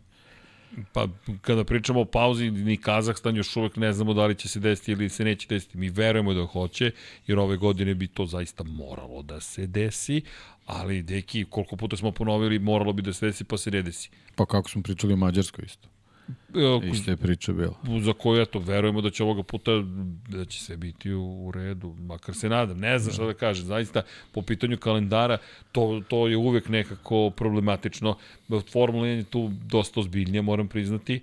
Ali okej, okay, ajmo da vidimo. Držimo palčevi. Svakako se nadam da će ostati Argentina u, u kalendaru. Prelepa je staza lepa atmosfera, dođe ne, ona i dalje u kalendaru, ni, ništa sporno. Ona ima svoj termin, sad je samo pitanje da, li će, da li će organizatori dobiti tu finansijsku potporu koja, koja stiže od strane države i da li će uopšte moći da organizuju trku. Ali, znaš šta je sad moje pitanje, da li postoje neka sredstva koja su već negde određene za ovu sezonu, pa ćemo mi reći, e, ok, ove sezone i dalje se ostaje. Pa ti bolje znaš kako to funkcioniš u Južnoj Americi. Hvala ti. E, ali vidi, moram ti priznati, Čile je tu dosta drugačija zemlja, ali Argentina iz mojih iskustava je dosta slična našim prostorima, samim tim... Dao si odgovor. Idemo dalje. Idemo dalje. Klik, like, share and subscribe. e, da, inače, subscriberi, pojavite se, javite se, patreon.com kroz Infinity Lighthouse, shop.infinitylighthouse.com, jednostavno tu smo, ekipa je tu, kao što vidite, e, ljudi, otišli smo, ček, čestitam Ček. Deki, ali stvarno, ovo je od srca, dakle, ljudi, mi novinari smo dugi niz godina, volimo ovo što radimo i dan danas volimo ovo što radimo. Ovo nam je bilo, bilo prvo zvanično putovanje kao Infinity Lighthouse, kao Lab 76 i nije mala stvar za nas. Možda je nekom sitnica, ja ponosno kažem nas je bila baš ogromna stvar i generalno kao YouTube kanal sada, su, pa mogu vam reći, svi su nas manje više, ne samo prepoznali, Pa da, neka su, neka su nova vremena, ali generalno kroz neke stvari koje smo radili tokom godina, ovaj, kad si nov u, u nekoj priči nije uopšte lako da, da, da dobiješ neki, neki rating da bi, da bi mogli da, da odgovaraju na tvoje zahteve i ovo stvarno što što se desilo ovaj, vezano za, za Ričoni i prezentaciju mi je onako stvarno bilo i prijatno iznenađenje kako su nas prihvatili i na koji način su se obhodili prema nama. Nismo bili mislim, mora zvanično i, i onako iskreno se kaže, nismo bili u tom nekom prvom rangu zvanica, ovaj, ali generalno biti, biti na spisku takve ovaj, takve prezentacije u društvu ovaj, u kom smo i bili, mislim stvarno mislim da predstavlja veliki, veliki korak napred za Infinity Lighthouse. I predstavlja potvrdu i zahvalnicu našu vama. Jer ja ću odmah da kažem, mi od početka ponavljamo to isto. Traže od nas izveštaje i ogledanosti i o svemu i naravno što je gledanije, neko će reći, ha, okej. Okay, da, i jako je važna smisla. stvar, bar ono, ono što, što si mi ti preneo, kad god je takva komunikacija o, gde postoji neki zahtev od strane Infinity Lighthouse-a, kad se pokažu rezultati, momentalno se dobije da, da, pozitivan da, da. odgovor i meni je to stvarno onako, onako puno mi srce i zaista mi je drago što je, što je tako i za relativno kratko vreme je, je, je takva stvar postignuta. I vraćam opet na vas koji ste sada sa nama, to je sve zahvaljujući vama, bukvalno, jer bez vas to ništa ne bi bilo moguće i ponavljamo od prvog momenta, niste brojevi, za nas nećete to biti, dok smo mi ovde nema, ne, to se neće desiti, ali neko traži određene brojeve da vidi, a dobro šta vi to radite, koliko to ljudi gleda i tako dalje. I zahvaljujući vama, svi su rekli, a okej, okay, nema, ne postavlja se uopšte pitanje. Instant, makar u Moto Grand Prix. E sad držite nam palčeve, sad lobiramo kod Hasa, da nam dozvoli da prenesemo prezentaciju. Hedi, ako probimo Formulu 1, ne znam šta da vam kažem, Deki će ići da gleda Super Grand Prix uživo. I pozitivno izveštava o njemu. Neće se desiti. Ali, e, a promenio si boju, čekaj, u naranđastim si bojama, ne znam šta ti se desilo, ali naviko sam na... Vruće mi duksu. Mislim, kako na, ti objasnim? Japan specijal, toliko sam se navikao da je to, da, da, da nemam reči. Prijatniji u manjici. Sad će sve biti naranđaste prodate. Kažem ti, deki ima neke, nema tu šta. Ali dobro. Da, inače imamo, kada spominjamo ajmo Ričone, ajde da iskoristim priliku da, da eto, čujemo i Di, Fabio Di Gian Antonija, imate sinhroni prevod, mada, moram priznati, moramo ponovimo za one koji su na audio platformama, pošto je na italijanskom. I ne zamerite što je na italijanskom, ali verujte, kada na materijem jeziku neko govori sa vozačima, potpuno je drugačija priča. Videli ste Marka Becekije, nasmejanje, šalite se s njim, potpuno drugačija priča. I on prva stvar koju je pitao, Italian or English? I kad smo rekli Italian, o, hvala, najzad, ne moram English. To ne znači da loše govore, jednostavno ljudi, čak i videli ste iza kulisa kada se voze posle trke, svi pričaju španski i italijanski. Pa da, mislim, kad, kad dođe do, do faze umora, naravno da je, da je mnogo laše razmišljati na maternim jeziku. Samo se prebaciš da. nazad. I da. kad po... ne razmišljaš ko bec, onda svašta kažeš. on svašta govori, ne, bec. Ali on nema problem. Ja, ne da nema problem, ne, bec je u fazonu, ja ću da kažem šta imam da kažem. Ako vam se dopada, pa, vi ne morate ni da pričate sa mnom sasvim. Ali je bilo, bilo je bio simpatičan moment, ne znam da li si to video, da. kad je učeva mama došla na binu da se slika. To I on, i on je neki intervju radio i I nije ga učio zvao, nego učio mama, kaže, Bec, dođi vamo i on prekida intervju i seda na motocikla se slika s njom. To je, to je bilo super. da, ali bukvalno je porodična atmosfera, to je ono što je najsmešnije, dolaze mame, bila je učiova mama, sve mame su se pojavile, tate, porodica, klasični Felinijev film, dakle, sve su rođaci, porodica i, i novinari, otprilike, ali bilo mnogo simpatično, pričemu kongresni centar, sve to lepo izgleda, sve to nekako, pri čemu nisu ga otvorili otvorili do dva popodne, u tri prezentacije mi dolazimo kao kongresni centar, nema žive duše. Ali imate... Prazna garaža, ništa se ne dešava. E, da, jedino, stvarno nismo paparaco, naj, najbolje od svega što u svom prikrivanju, gde će da dođe Valentino Rossi, suzili ovako i razvukli po samolepljivu traku i okružili pet mesta, rezervisano za Team VR46. I šta mislite, da smo mogli da ga snimimo? Naravno, ali ne snimamo, to je prvi intiman moment, dolazi sa ženom. Nema potrebe to da se snima. Jedino što je nama bilo zanimljivo, da li vozi Audi ili vozi BMW, pošto bio Audi vozač, sad je BMW vozač, vozi... Ne, čovjek koji ima, koji ima tim koji koristi Ducati, a on je na Yamahi, vozač BMW-a koji je uradio za Audi. Ne, nemoguća misija, kompletna, ali dobro. No, u svakom slučaju, da, bilo je, bilo je sve simpatično. Ajmo da čujemo Diđu, pa da prokomentarišemo i njegove reči. La, la questione per la Digia è la sensazione del GP23 a Valencia, come è andato? Sì, abbiamo fatto test a Valencia, il feeling è stato subito ottimo con la nuova moto, sicuramente un filo diverso rispetto al modello dell'anno scorso, però credo che abbia un grandissimo potenziale, si può, si può andare in generale più forte con la nuova moto. Quindi sicuramente avremo del lavoro da fare in Malesia, anche in Qatar per i test, ma il primo feeling è stato molto buono. Eh, la, differenza del 22-23 si sente. Sì, sì, sì, si sente molto, ci sono un po' di differenze a livello proprio di come è fatta la moto e ti permettono appunto di andare un po' più forti, quindi secondo me possiamo andare un po' di più di quello che abbiamo mostrato la, la parte finale dell'anno scorso. Eh, questa moto lo sai di chi è? Eh, sicuramente è una bella pressione perché è team di Vale, eh, però è una pressione positiva, secondo me, una pressione molto bella e poi sono, sono tanto contento, onorato e privilegiato da vestire questi colori, quindi sarà un push in più. Bene, Bene cosa, cosa, possiamo, possiamo aspettare da te dopo, dopo la vittoria quest'anno? Cosa, cosa possiamo aspettare nel 24? Ah, il gol è quello di continuare a crescere, lavorare tanto e cercare di fare tantissimi top 5 e quindi nelle top 5 ovviamente includo anche un po' di vittorie, ci lavoriamo. Grazie, in bocca al lupo. Grazie, ciao. A, izvinjam se, neko ne, pita da je Dux, eto ga. Ne, ali Dux, ne, vrati, molim te, znaš kako izgleda? A gde je pečat? ne pečat, gde je nego Dux? oni, oni Rusi kad štrajkuju, Kad pa kad one... i kad se pojavi. A, ovo je bilo jako deki koji se pojavio. So. A, jako. A pritom autokorekte sve Dobro, smo ubacili koji menja. Ne znam šta je ovaj Abraham na kraju. Pri čemu u premijer sam ubacio i on je ubacio, no on je sam izmenio da moram i premijer da proverim, ali... Da. A, u pet najboljih Abraham. Nabrajam i pobednička postolja. A, jako dobro. Ali dobro, ljudi, sve to deo zabave.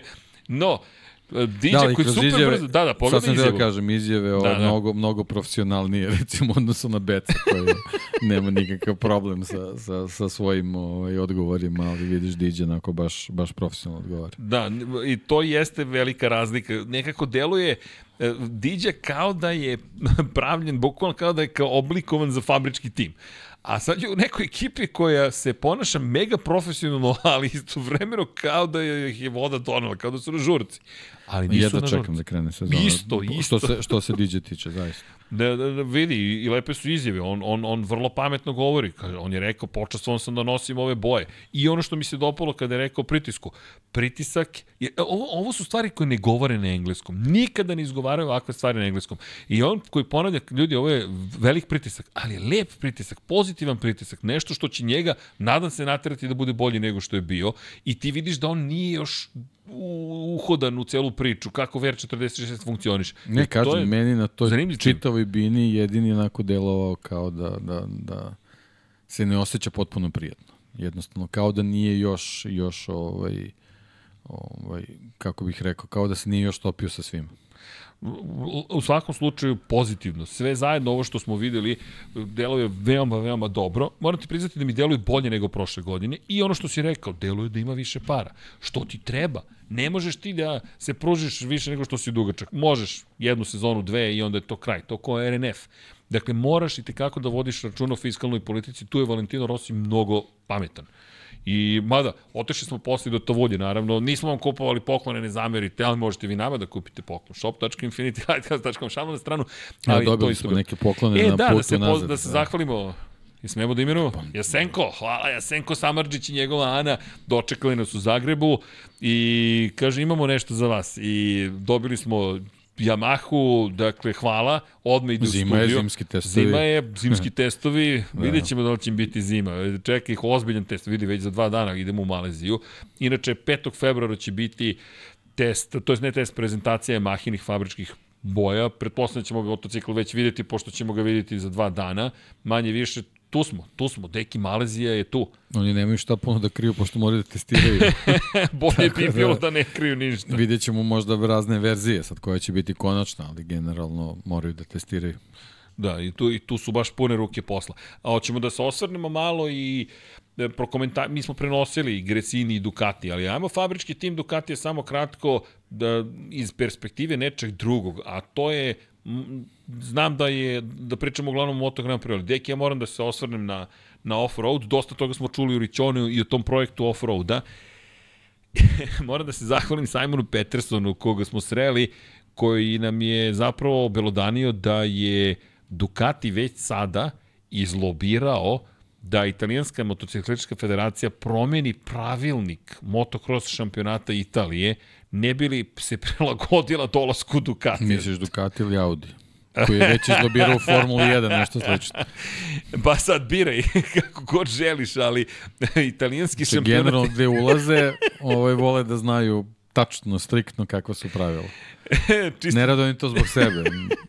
Ali ajde, ajde deki, hoćemo, da, ajde, hoćeš, ajmo, jel možeš, molim te, da iskoristimo tvoje znanje, da malo objasniš priču o audiju, kako je funkcionisao i u DTM-u i generalno zašto toliko često spominješ Audi, sve što si je najavio tokom godine iza nas se dešava, dešava ili se dešavalo? Nema ili tu nikakve posebne filozofije, jednostavno Audi, Audi ima taj koncept da generalno svoje marketinške aktivnosti koje su vezane za, za takmičenje na stazama usmerava tako da tamo gde se pojave oni moraju da budu u samom vrhu, moraju da budu najkonkurentniji i da da naravno budu u situaciji da osvajaju što više titula i eto, to smo videli i vezano za ovaj program koji je koji je ovaj, kulminirao pobedom Carlosa Sainca na Dakaru, gde Audi praktično izlazi iz programa i oni tamo uh, bukvalno se dešavaju situacije, to je bilo sa Le Manom, kad se izlazi iz programa, Audi mora pobednički da izađe, izađe iz čitave priče, tako da ovaj, sve ovo što se dešava i sa Ducatijem u, u, u Moto Grand Prix jednostavno moralo je ovako da, da, da, da se završi,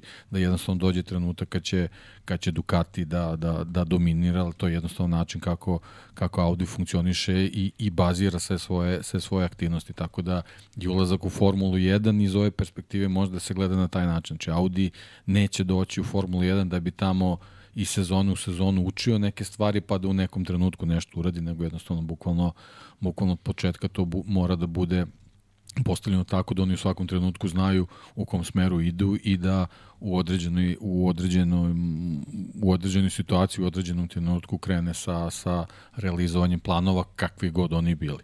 Tako da verujem da je ovaj ulazak u u u, u, priču sa, sa off-roadom vezano za Ducati nije, nije baziran čisto na nekoj pukoj želji da, da se tu pojave, nego jednostavno ako se tu dolazi, to mora da, da bude triumfalno u što kraćem vremenskom roku. I naravno, samim tim je bitno da se izlobira da se dobiju neke tehnička pravila da bi već u ovom trenutku motocikli mogli da se pripreme da budu najkonkurentniji mogući.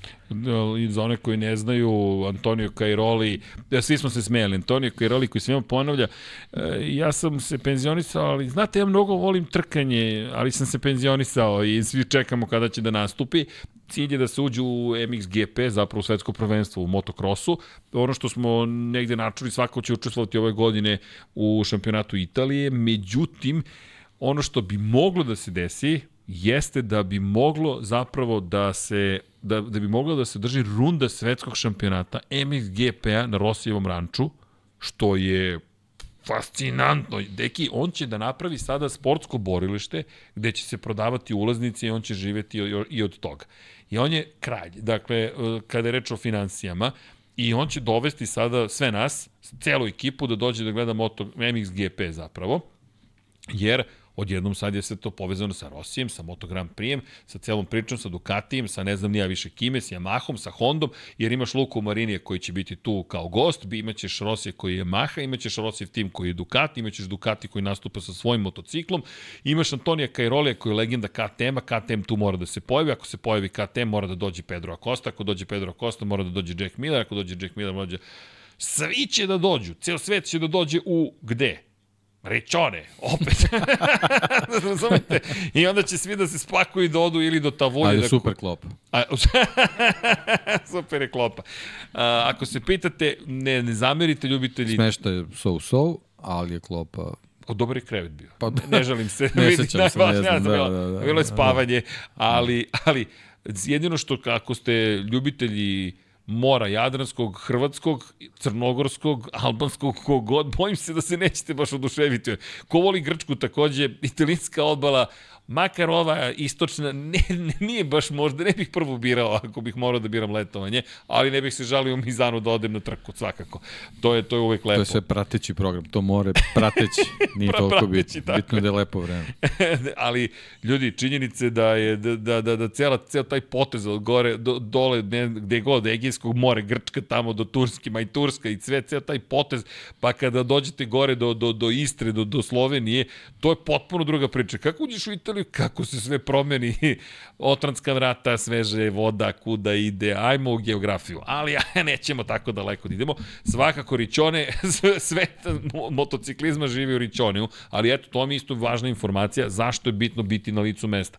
Odmah dobijete nove informacije. Tako da može se desiti MXGP da stigne i de, čini se da će Ducati debitovati na MXGP upravo na toj trci. To je neki trenutni nezvanični scenariju, nemojte nas držati za reč, to nije potvrđeno, pa dobro, ali o tome se priča. u ovoj fazi su po, potrebna testiranja u takmičarskom režimu, tako da moraju da, da formiraju nešto što će da liči na revi, opet s druge strane da bude ozbiljno takmičenje. Jeste ozbiljno takmičenje i pazi sad opet Ducatijeva moć, pa i KTM-ova moć. Meni će to biti, meni to vrlo zanimljivo, taj njihov sad sukob u off-roadu koji se dešava istovremeno i ovde, gde KTM pokušava da dođe do tro... Jer ni KTM nije tu došao da bi se sad vozi kao drugi, treći, četvrti, peti, šesti. Ne, ne, titula je cilj. Pa ne, KTM pre svega koji je stekao reputaciju u motokrosu mora ovaj, da, da zadrži taj renome, posebno kad se pojavlja ovako veliki rival. I to ne samo veliki rival, nego rival koji, koji iza sebe ima ozbiljan konglomerat. Ozbiljan konglomerat. Kaži neki, neki komentar. ne, ne. Ne, nasmio sam te. Skijati se. istina, deki, istina. Na, mnogo toga se dešava, baš je zanimljivo, ne znam, lepo je, zabavno je, ne znam da li smo propustili neki detalj, nemam pojma, to, to nekako je sve brzo tra, prošlo, i, a, i, a i nije brzo prošlo, nekako dugo sve to trajalo, I izvinjam se za, propust, za moj propust gas gas što nismo radili u ponedeljak juče ujutro direktno. Ja sam deki potpuno sa rasporeda skinuo gas gas, nemam pojma kako uopšte nisam upisao u kalendar događanja. Još me Srki pita, za nema u ponedeljak prezentacija? Ne, ti si me pitao, vlada me pitao, za nema Srki u ponedeljak? Ja kada pogledam raspored, naš raspored, nisam pogledao Dornin. Pa nema vlado. I sedim i kreće mi, izlazi mi YouTube uh, live stream, gas, gas. Molim, šta? Tako da izvinite što nije bilo, ali ćemo raditi uh, uh, re-live, to se tako zove na televiziji. Jedan re-live će da padne. Šta drugo da kažemo? To, prosto da imamo u arhivi negde da nam stoji i da, da, da se dešava. E da, i da spomenem, iako je posvećeno motociklizmu, e, ne znam da li ste ispratili, Andri Petrović je potpisao ugovor sa ekipom da vozi u Saudijskoj Arabiji for, šampionat Formule 4. To su super vesti. Ne znam da li sam dobro vidio Meritus. Je, ja mislim da je Meritus, Meritus da. da. I Super. to su mnogo da. lepe vesti. Pitanje je bilo, bio je kod nas pre par nedelja momak koji je slavio na Rotaxovom šampionatu, pandan svetskom prvenstvu, jedino što nije pod okriljem FIMA, FIA, izvinjavam se, ali je fenomenalan uspeh ostvario dečko i sada dobije ugovor i voziću u Saudijskoj Arabiji F4, to su baš lepe vesti, gde je god, kogod sa ovih prostora, mi se baš radujemo, moram da vidim i kakvi su planovi ove godine za Martina Vogrineca. Prošle godine kratko bio u Moto2 šampionatu, otišao je u šampionat Nemačke, koliko znam nastavit ću u šampionatu Nemačke, ali ko zna, možda stigne neki sponsor, ako ne, pogledajte šta radi Martin, pa eto, ko zna, možda mogu da se otvore ponovo vrata Moto dvojki, jer Moto 2 je zapravo taj šampionat. U suštini, Moto Grand Prix, do njega baš teško doći, Moto 3 je već prerastao, Moto 2 je taj šampionat, bukvalno. Tako da, eto, čisto da spomenemo i momke sa ovih prostora da ne zaboravimo, da ne zaboravimo te, te momente. Sam zaboravio nešto. Da, što se tiče Gresinije, tu smo manje više sve pokrili. Videli smo na samoj prezentaciji, ne znam da li imamo nešto da dodamo u celoj priči. Nismo videli, nažalost, izbliza. Deluje nam da ta organizacija još uvijek zostaje za VR46, ali što ne znači da neće pobeđivati. Ljudi, to samo govori o nekoj široj slici. Ne govori o onome što oni rade na samoj stazi. Frank Krčedi, kao šef ekipe, Možete samo da ga poželite u, u svojim redovima. Ili ima neka pitanja? Ne, čekaj, Superbike. Šta ćemo sa Superbike? Ajmo, Sad sam htio da izgovorim. šta ćemo sa da. Superbajkovima? Pa ne, šta ćemo? pa vidi, ovo, ovo, ovo tek delo je da će biti ozbiljno. Da. ozbiljno o, ja ne znam, kako ti izgleda Johnny Rea sada? Pa, po rezultatima izgleda mnogo bolje, generalno Yamaha ovaj, nekako, nekako deluje ovaj, organizovanije, bar, bar, bar je onako neki, neki prvi utisak vidim da, da su onako bili prilično angažovani tokom testiranja, tako da ovaj, nadam se da, da, da, da će on u stvari ovaj, da, da taj neki period privikavanja da prođe što kraće, da će da će od početka ovaj, biti u to nekoj, nekoj konkurenciji koliko god bude, bude u njegovoj mogućnosti, ali opet sa druge strane imamo tu priču sa BMW-om koji je u stvari onako nekako u centru pažnje zbog Topraka razgati ogloja i nekih njegovih dobrih rezultata i gde, gde on u stvari uh, sve vreme ovaj, daje neke izjave koje su potpuno pozitivne u svetlu i da, da je on kao taj koji, koji u stvari tu čitavu priču BMW-a diže na, na viši nivo i da je on taj koji ih bodri da, da što bolje pripreme ovaj motocikl za, za, za sledeću sezonu. Vidim i da je Van der Mark u stvari uh, taj koji, koji nosi tu neku priču vezano za, za razvoj tog motocikla, da je probao neku novu viljušku, da da ovaj e, da koriste sva te, za sve te neke uh, moguće i nemoguće kombinacije vezano i za test u Herezu i vezano za test u Portimao. Rade se rade se poređenja ovaj i, i verujem da će biti u mogućnosti da da da naprave najbolju kombinaciju za za za početak za početak sezone da u stvari taj BMW dobijemo na, u, u nekom samom vrhu, posebno zato što to preko ove mogućnosti znamo i da, da ako i dobije motocikl koji je koji je približno na, na nivou konkurencije da će on biti taj koji će uvijek biti ovaj u, u, u, u konkurenciji za, za, za najviši plasma tako da to je sa te strane super, s druge strane super je što vidimo da se Bulega dobro snašao. Mislim, ovi rezultati generalno ne, ne moraju sad nešto, nešto spektakularno tu da, da govore, ali generalno ovaj, jako je lepo kad, kad vidiš Novajliju koji se, koji se pojavi u, u toj nekoj uh, nekoj, nekoj priči koja je za njega korak, korak više i vidiš u stvari kako mu dobro leži taj motocikl i kako, kako je generalno ovaj, posle samo nekoliko krugova bio u tom nekom, nekom sjajnom tempu. Sad naravno mi, mi u ovim trenucima ne znamo da li su ovo neke konačne konfiguracije motocikala, da li, da li su ovaj, da li su svi vozili samo na, na najbrži krug ili su vozili neke simulacije trka, ali generalno rezultati pokazuju da, da, da ovaj, da, da su svi da su svi manje više u, još u nekoj fazi priprema, tako da, da, da ne možemo u potpunosti da se oslonimo ta vremena kruga, vidimo da Alvaro Bautista nije, nije bio sa nekim spektakularnim vremenima, ali je jako simpatično i interesantno da je skoro imao identično vreme kao Andreja Janone, koji se vratio u čitavu priču, tako da ono, bilo, je, bilo je simpatično to, to ispratiti. Sad, kažem, da li, je, da, li je, da li iz ovoga možemo da izvučemo neke neke onako, da kažem, pouke, mislim, mislim da ne, ali generalno ovaj, jako mi je drago što su tokom ta dva testiranja sva, i vreme, sva imena su se nekako vrtela na, na, na raznim pozicijama, tako da ovaj, ako tako bude i tokom sezone, ne znam šta pregledati. Mislim, dosta trka će se preklapa, bit će jako teško izabrati šta je live, šta je real live, tako da ovaj, to je sjajno. Mislim, ono, treba ispomenuti, da, bili su ovaj, testovi su voženi zajedno sa, sa vozačima Moto Grand Prix, Franco Morbidelli, jedini koji ima onako teži pad, ovaj, nešto sam čitao da, da, da nije, nije ovaj, uh, zdravstveno ništa, ništa strašno, s obzirom koliko je ovaj, pad, sam pad izgledao jako, jako teško. Alex i Mark Marquez su bili iza njega, oni su mu pomogli da, da, da ga smeste u medicinsko vozilo, tako da ovaj, verovatno nije, nije sve izgledalo ovaj, lepo u tom trenutku, ali koliko sam pročitao delo je da, da on nije, nije prošao s nekim težim povredama sreća, tako da u principu to je, to je to ta jedina onako negativnija stvar koja se dešavala na testu, a, a, a onako generalno utisak je da da i što se tiče Superbajka da nas čeka onako prilično interesantna sezona. Pa sve ono što smo već najavljivali odjednom počinje polako li sigurno da se dešava. To jest već sada u ovoj fazi mi možemo da pričamo o tome da uh, da smo pokolno počeli da dobijamo obrise šampionata sveta. Naravno, kao što si rekao, mnogo je rano, ajmo da budemo strpljivi, ajde polako da, da uđemo u celu sezonu. Međutim, ja, deki, mislim da, se, da si ti 100% u pravu, da, da će ovo biti težak izbor. Šta zapravo da. gledati? U, u kojem se carstvo privoleti? Naša topla preporuka, ko može, neka gleda i jedno i drugo, jer ne vidim Ne vidim nikakvo drugo rešenje.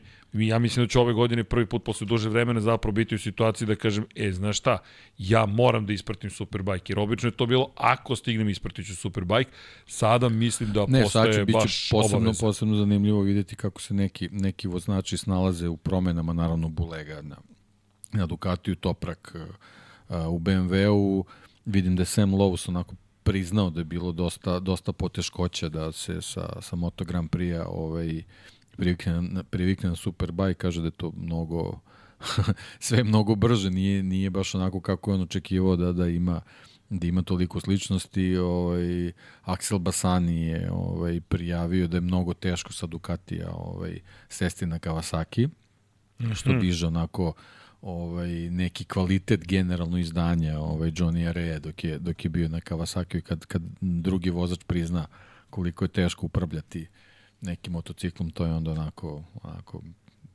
kako bih rekao ovaj potvrda nečijeg nečijeg kvaliteta. Tako da vidjet ćemo sve, i sve te promene, stvari, kako će, kako će da funkcioniš, ali ono što smo pričali prošli put, što se tiče Superbajka, neverovatno je koliko ćemo ovaj, poznatih imena da imamo u toj čitovi priči. Zaista mislim da je Superbike šampionat koji baš, baš treba pratiti sledeće godine. Kako ti se dopadaju boje motocikala?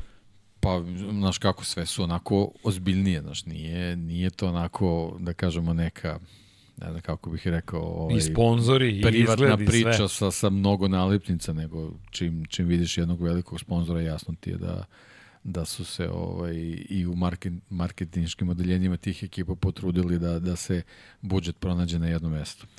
Kada pričamo i o efektu Marka Markeza, Peka Banjaje, Valentina Rossi i svih ostalih, izvinjam se, to može samo da bude pozitivno za Superbike. Evo, mi ih spominjemo sve više, ne možemo da ostanemo samo na tome. Bili Rossi, bio Benjaja, bio Marquez, mora da se priča o tim momcima i kao što si rekao, deluje da ćemo imati baš ozbiljnu sezonu. I meni se, kažem ti, dopalo i to što izgledom stvari izgleda, da deluju, deluju nekako dobro, prosto lepo. I mislim da je to takođe važno jer koliko god bežali od toga da je to nešto površno, nije. Kada je nešto lepo oku prija, pamtiš. Jednostavno kada pogledaš, ne znam, Franco Morbidelli kako se pojavio na jednom čudnom motociklu, nekako neuklopljeno crveno, sa, on je u crnom, belo, zeleno, sve nešto čudno, ok, zapamtiš ga, ali kada pogledaš zvanične vozače, kada vidiš Rossi kako bio, Rossi sa ovakav nikada ne bi pojavio. Ne, ono je sve izbrendirano. Znaš, ne, i, i o tome mora da se vodi računa. I kada pričamo o tome i priče o livrejama, postoju mnogo bitne ponovi u Superbajku i opet Steril Garda, cela ekipa, gde se Pata pojavljuje. Yamaha. Pata Yamaha. Eto, Pata, Pata Yamaha. Čekaj, deki, pričamo Pati. Pata Yamaha je ponovo nešto o čemu ćemo pričati. Jednostavno, mi pričamo sada o nečemu što je bilo zapravo pa podobavezno da se spominje, ali kad si poslednji put imao tu situaciju, a sada ko je na Pata Yamahi? Ko, zna se, Johnny Rea, ko je to stigao, vidi, i za sponzor je to bitan moment, što on čovjek došao. Pa, generalno su ti italijanski sponzori držali Superbike ranije, tako da samo sa, sa ovim, ovim ponovim uzletom šampionata i velikim brojem italijanskih vozača koji mogu da, da podignu ovaj, kvalitet samog takmičenja, možemo samo da očekujemo da u 25. ako sve u, u ovoj sezoni bude onako kako kako se nadam da će biti da, da, da, da tu bude još jedan boom ovaj, pre svega vezano za, za neki, neki upliv novca koji je, koji je generalno ranije bio super. I izvini, samo da, da ne zaboravimo da napomenemo šta je zapravo pata. Ajde, ako smo pričali o Steril Gardi, o proizvođaču mlečnih proizvoda, ovde pričamo o proizvođaču testenina i grickalica.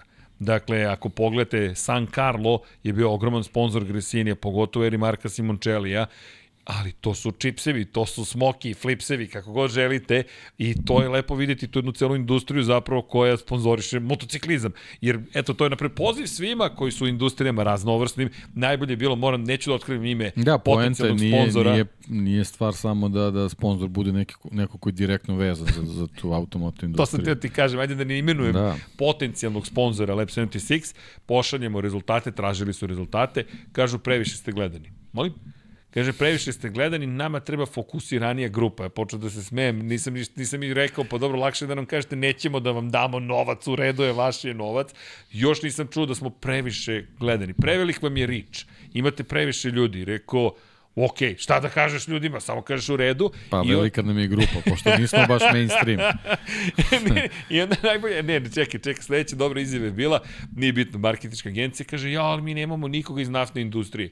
I razmišljam, pa da, ljudi koji gledaju Lab 76 oni ljudi, ne znam, peru zube naftom, umivaju se benzinom, polivaju se tu, ne znam, uljima, ne, ne, ne, niti peru zube, niti se briju, niti se tuširaju, niti jedu grickalice, niti ručaju, niti doručkuju, niti A, vodu. A evo, Debanđel, recimo, u stvari dao, dao odgovor o čemu se radi.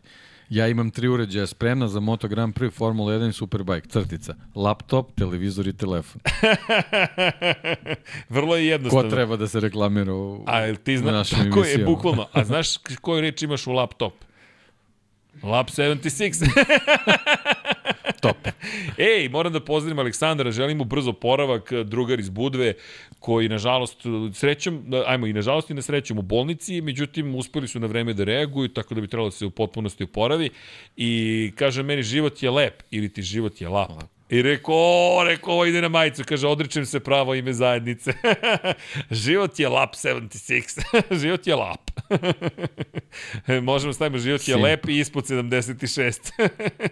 ali, ali baš je, bilo, baš je bilo lepo. U svakom slučaju, dizajn, dezen i te priče. Što me dovodi do čega? Do intervjua sa Aldom Drudijem, jer je lepo bilo čuti čoveka koji je stojao iza, i stoji i dalje iza dizajna svih Rosijevih kaciga, motocikala, motocikla Gresini ekipe, motocikla velikog broja drugih timova, pa da čujemo zašto se ovo zove, da samo da razumete, Fluo Stream je naziv zapravo koncepta vizualnog identiteta VR46 ekipe, fluorescentni stream, da ne kažem potok, tok, kako želite, pa poslušajte Alda Drudije zašto je Fluo Stream to što jeste.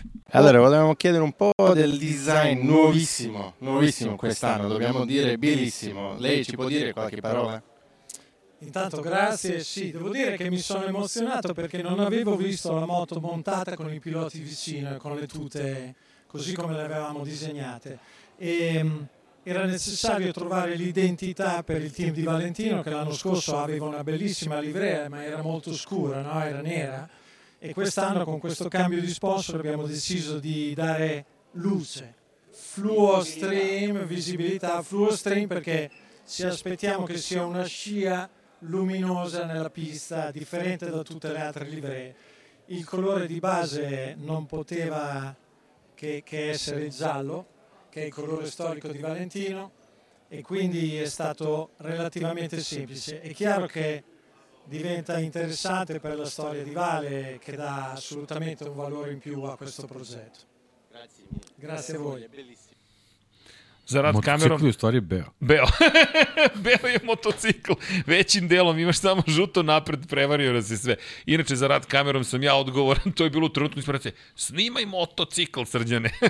ali je, trudimo se, trudimo se u svakom slučaju, ali lepa je priča opet ima priču. I kod Alda Drudi on veruje u tu priču. To je ono što je lepota dizajna. Generalno italijanska ta škola lepih umetnosti. Znači, motocikl je beo koji u stvari poprskam onim fluo streamom što koriste u Formuli 1 i on je zato takav. Ali, ali, ali sad možemo da vam otkrijemo zašto je fluo stream, pošto nam je Drudi otkrio. Njihov plan je da se on vidi u brzini kao stream, kao jednostavno nešto što je prošlo poput svetlosti duž staze i da tako odudara od drugih. Ono što je sada zanimljivo jeste primenjena boja, ne samo u fotografiji, već kako će to da izgleda kada ste vi na stazi i pored vas proleti neko iz VR46 ekipa. Ono što je meni fenomenalno, to nismo snimili, ali to je bilo lepo. Videli ste da piše Fabio Di Gianantoni na motociklu, piše Marko Beceki. I Bec je rekao šta ti je najlepše na ovom motociklu uspute u nekom razgovoru, nije sa nama pričao, Kaže što piše Marko Beceki na motociklu. rekao, bravo Marko, rekao, to su, to su lepe stvari.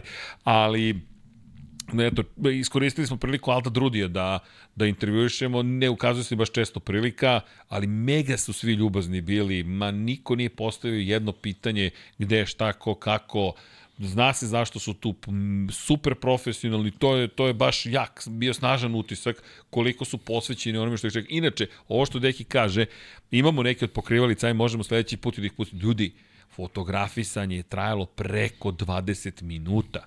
Dakle, to su e, serije i serije sponzora koji su dolazili da se fotografišu sa svima. Bukvalno, ti gledaš neprekledan tok ljudi koji jednostavno samo hoće da se fotografiše sa vozačima s Valentinom Rosijem, da, da stane na tu binu i da ima uspomenu praktično do kraja života jer to ti jeste jedna velika uspomena. Pitanje do kada će da trajete celo sponsorstvo, da li će ga biti sutra, neće ga biti i iz te perspektive, eto, generalno malo drugačiji je bio taj moment, jer smo znali da će VR46 ekipa da privuče neku drugu vrstu pažnje, pogotovo za ovu priču o Enduru, ali da li bismo volili da budemo na svim prezentacijama? Apsolutno, volio bih da smo videli Augusta Fernandeza, Pedra Kostu iz bliza, da vidite kako se ponašaju jedan prema drugom Sledeće odnos. godine. Sledeće godine, to nam je plan za sledeću godinu, tako da korak po korak, kliknite like, share and subscribe, tako nas jačate, jer vi zapravo ste za razlog zašto smo mi tamo. I nadam se da ste zadovoljni onim što smo i doneli sa puta. E, ono što je fenomenalno, vi odete na put od dva dana i ovako sedite i kažem, Deki se probudio u momentu kada se krenula prezentacija. Do tada, ne, ne, ali šalno na stranu, noć pre toga Deki koji je zabrinut, jer moj plan je idemo. A Dekijev plan je, valjda imamo plan, ali polako se prilagođava konceptu idemo i sve će biti... Ne prilagođava. ne prilagođava, samo, samo čuti. si fin. Da. Ti si fin, mislim, ne, ne, ja sam fin, da, da. Ali neki koji, koji ne može da veruje, ja mislim da nije verovao da ćemo išta imati do 3.15 otprilike. Naravno, način je komentar bio jednog kolege, da ga ne imenujem, koji dolazi u 3.06. Italijani. Ne, iskreno Rekli sam se rukovodio onim što smo videli na Gresinijoj prezentaciji. Apsolutno mi nije bilo jasno šta ćemo moći da uradimo. Ovde, međutim, kad smo ušli u dvoranu, kad sam video onaj veliki ekran, by the way, to je Ogromno 25 je. sa 5 metara. Rekao sam, ok, ovi su se izgleda nešto potrudili i kad sam video ovaj, pokrivene motocikle, shvatio sam da, da, da je neko malo ozbiljnije poradio na scenariju. Mm, da, ali, ali kažem... On je momak što je vodio čitavu priču, ok. Ovaj, Snalazi se. Snal, ok je bilo, ne, mogu sad da kažem, da, ovaj, ovaj, probao da, da podigne tu neku atmosferu koja je onako malo, malo je čudnije sve bilo zato što generalno ova ekipa koja je došla iz Indonezije malo ne razume taj koncept, pa ne, ne, ne mislim sad ništa loše, nego jednostavno oni ne rade to na taj način, pa je sve onako u tim nekim trenucima delovalo malo nespretno, malo je nespretno prošla ona priča uh, uh, gazda, gazda Pertamina, ne znam, da, da, da, da. ne znam kako bi ga nazvao, ovaj, je, je, je doneo neke specijalno urađene jakne za, Jest. za ekipu i to je prošlo onako malo malo usputa, njima je to očigledno mnogo značilo. Bilo važno, da, da, da. I da, onda je Rossi izvukao čitavu priču, ne znam da li si vidio taj moment, njegova supruga obukla jaknu Jest. i onda su se svi slikali zajedno. Ovaj, tako da tu su malo još te neke stvari koje onako malo su nespretnije delovali, a ne treba zamiriti pošto vjerojatno su prvi put i oni na taj način te neke stvari radili, tako da verujem da će... Dobro, postoje kulturološke da će, razlike. Tako je, tako je, malo, postoje malo je to, ovaj, malo mora se vodi računa i o tome, tako da ovaj, generalno će to vjerojatno malo kad se i uigraju, bit će to super korak po korak, to je ono što je neki utisak, jer s druge strane ti imaš fabrički tim Ducati koji je mašina. Jednostavno, broj ljudi koji radi u medijima za, za fabrički tim Ducati je beskonačno velik. Tu se vide te razlike. I to je okej, okay, naravno. To su lepote razlika. Pa ne, to, i to je razlika i to je razlika kad imaš fabrički tim gde apsolutno ne znam šta treba se desiti da se predstavnik generalnog sponzora nađe na bini u bitnom momentu. Jednostavno se ne radi to tako. A ovde je ipak sve bilo posvećeno ovaj, ljudima iz Pertamine. I, be, I to je okay. I bilo je lepo. I to je okej. Okay. To je sasvim sve Tako je, generalno ta pertamina omogućava da sve što je vezano za VR46 u sledećoj sezoni funkcioniše. Ma, ne mogu ni da se poredi. Ali ono što je takođe zanimljivo, eBay je značajno porastao. Jeste. Kod Gresinija nema Red Bulla, Red Bull je kod Gas Gasa i dosta je velik. Tako da Gresini... Da, Gresini se oslonio na neku prošlogodišnju priču i sad ćemo u stvari samo da vidimo kakvi su njihovi kapaciteti da iskoriste ovaj neki, neki, neki trenutak koji može da im donese Mark Marquez. Moram priznati da to je ono što, što će biti veliko pitanje, da li oni mogu da reše zapravo moment toga da iskoriste ovu godinu i na komercijalni način. Jer po onome što smo videli, još uvek tu nisu baš se najbolje snašli. Pa ne to kažem da se neće vidim, snaći. Ja mislim da jako, jako, jako, jako mala verovatnoća da će Marquez sledeće godine biti u Gresini. Pa ovo Šta delo je da kao se stepenica, da, gde da. god, da li se vraća u Tako Hondu, da. da li odlazi u fabrički Ducati, kako god, ono što jeste poenta jeste da je ovo sezona koju i Gresini mora da iskoristi na pozitivan način, a ne da bude, ej, ali se sećaš one jedne godine kad su imali Marka Markeza? Ne, nego nekako da ovo pretvore u nešto više.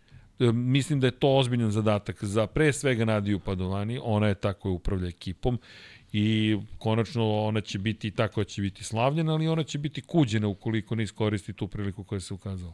Makar je to moj utisak iz, ne, iz iskustava koje imamo do sada, nije baš da se izvučeš iz tih situacija. Jer to je pukovnik, jel te? U svakom slučaju, ima tu još stvari u kojima uh, bih samo iskoristio priliku večeras da, da popričam, a tiče se fabričke ekipe, ne želim da ne ispoštujemo. Vlado, stižu ti neke fotografije, pošto mislim da, da treba vi da vidite kako izgleda izbliza livreja, to je konkretno broj Ene Bastianini, nismo bili Madoni di Campillo, pa nismo stigli da ga pitamo zašto nije ljubičasta boja, to je bilo jedno od pitanja, ne znam, moram pristati, nisam vidio intervjuima, možda je negde dao, pa mi ne zamerite, malo je ovih dana bilo više aktivnosti iza kulisa, ali broj 23 mu ostaje, ove godine će biti bele boje, malo konzervativnije sve to izgleda, čak Banjajin, crni broj izgleda, crno-crveni broj izgleda nekako moram reći, drug, liberalnije nekako, slobodnije, mali, možda je to go free, pa možda je to taj moment, a kod Enea Bastianinija, da, malo klasičniji trenutak. Možda mu treba malo klasicizma. Malo klasičnije, možda je gledao da bude malo upadljiviji, da ga, da ga malo izbegavaju da više. Da. Da, ovako izgleda, evo, malo umetničke fotografije i opet to je ta razlika u tome kako fotografišeš, pogled na N1 motocikl, 23 tu, nemam pojma šta se čuje, od nekud nešto dolazi, možda sam ja nešto greškom pustio ljudi, nisam, pogasio sam, ne znam odakle stiže zvuk, sve sam pogasio. Ali negde nam je upao zvuk. Vi pazi što je lepa fotografija. Hvala, Vlado, ovo je baš studijski, jel te, moment i naravno, ekipa koja će predstaviti fabrički tim. Pričemo, deki, mi nemamo pojma ko će biti konkurentan, ko neće biti konkurentan. Znaš više koliko ih da, je deluje mi da je Nea svetliji. da, da. Odnosno na prošlu godinu. Na prošlu godinu, kažem ti, nekako da. bele boje su tu dominantnije. Da, prosto to tako izgleda. Alo, ljudi, manite me se. Daj da više štrčim u celoj priči. Nijako pogledaš, znaš ko, ali ajmo, ajmo na trenutak samo. Gas, gas zapravo izgleda najmoćniji. Gas Gas je napravio celu priču. Dim, Pa da, boje. a i bilo nam je onako, Znaš. nismo očekivali takav ozbiljen izgled motocikla. Pa i, a naj, da. najoriginalnije je ova priča sa VR46. Da, oni imaju celu da. priču. Ali Najtradicionalnije, opet... naravno, Ducati i sad ispalo da, da nam je onako naj... Naj nekako naj, mlak utisak mlak je Gresini, Gresini da. koji je da. ostao isti. A da. Gresini A koji je naj, najveći, raspametio da, pre dve godine. Ne, i najveće interesovanje je generalno bilo za prezentaciju. Vidi, svi smo hteli, u Gresini nije bilo mesta više, jednostavno svi smo hteli da vidimo, ok, početak nove ere. Međutim, pazi, od ekipe koja pre dve godine je napravila kompletan preokret svojom bojom, Aldo Drudi je ponovo radio tu boju, do ekipe koja možda i oni štede za stazu, pa su rekli, ej, pa, da. vidi, sve je okej. Okay. Ali znaš kako, možda i to okej, okay, možda su generalno fokusirali upravo to. Staza. Za stazu i, i to, je, to je to, mislim, pazi, prethodne dve sezone za Gresini su bile, ono, posle svih tih ružnih dešavanja, stvarno bilo onako kao, kao i snova. Tako da, ovaj, verovatno su fokusirani na to da, da se u tom stilu i nastavi, posebno zato što sad imaju jednostavno vozača kakvog nikad nisu imali u istoriji ekipe. Ma mnogo priča, mnogo lepih priča, a ja, a ja čekam Yamahu.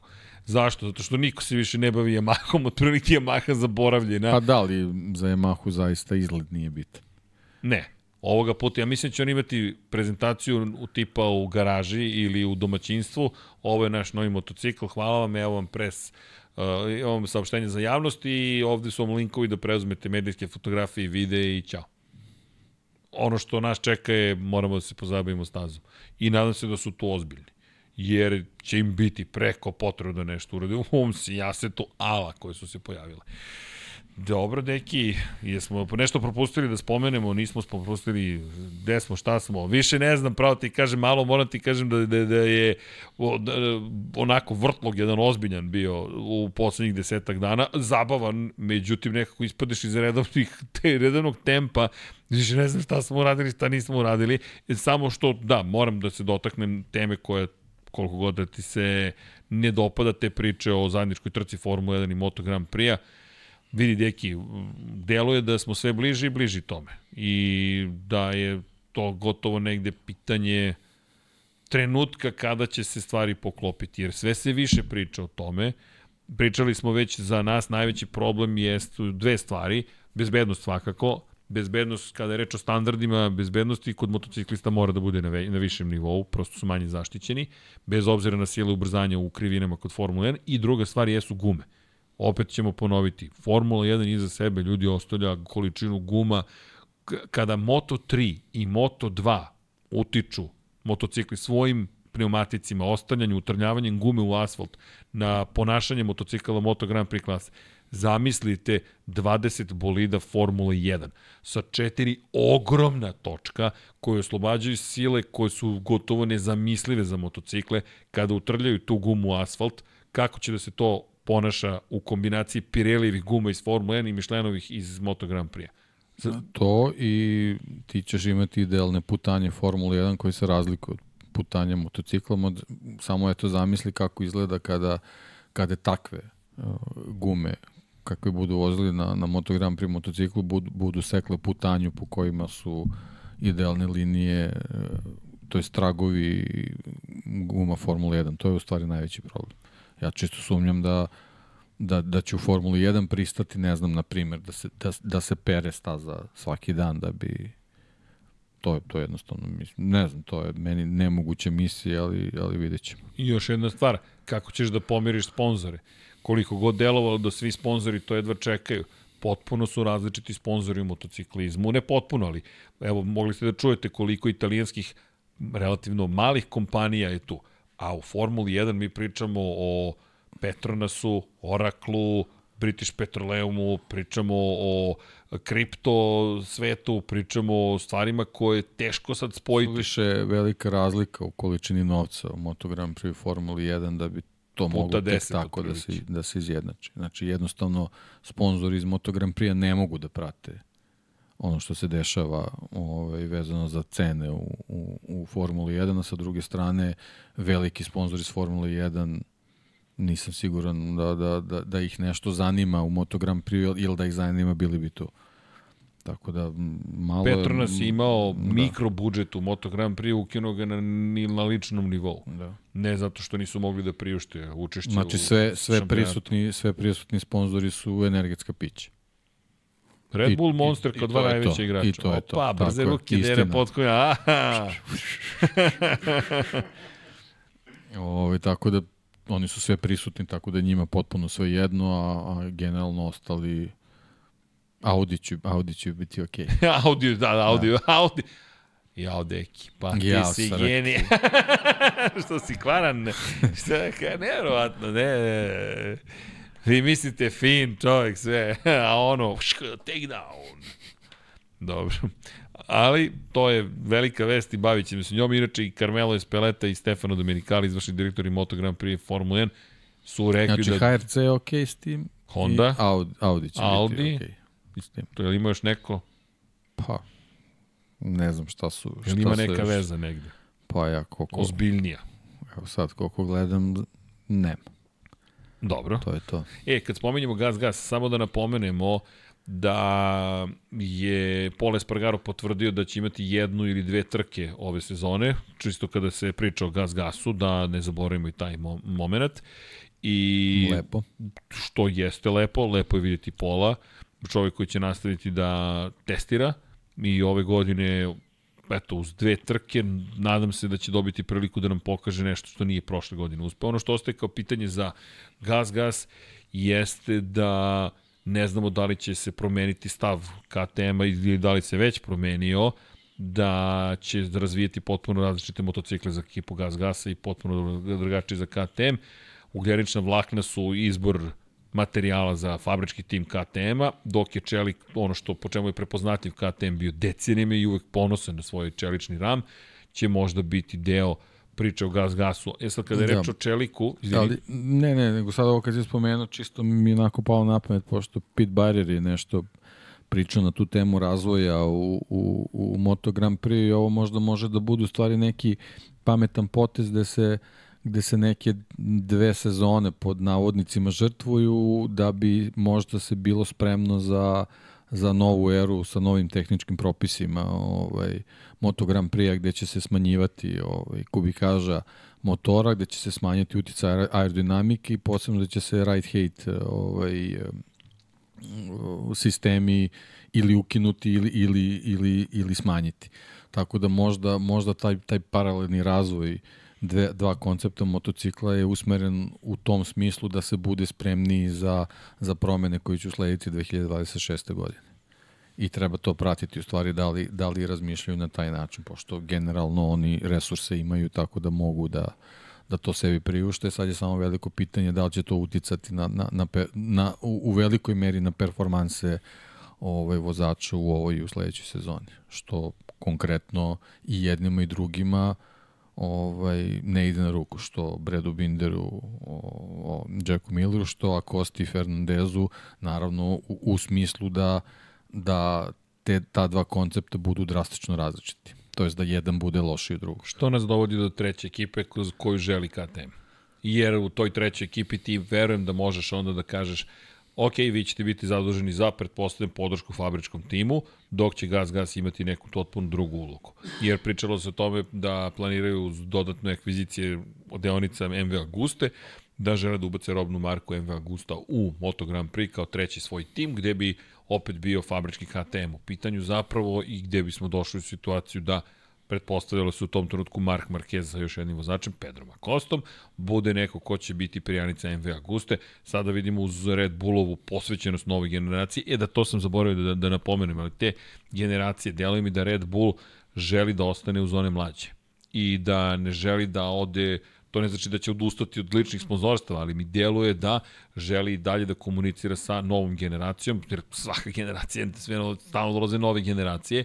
Meni se čini da je ovaj okret kad Pedro Kosti jasan znak nije to nepoštovanje prema Marku Markezu, nego ti imaš 31, ovaj momak ima 19, ako neko treba da bude predstavnik robne marke, onda je to momak čije vreme tek dolazi, ne samo to, s kim mogu i tineđeri da se poistovete, jer Mark Marquez za svi oni koji su bili tinejdžeri dok je Mark Marquez harao, ljudi niste više tinejdžeri.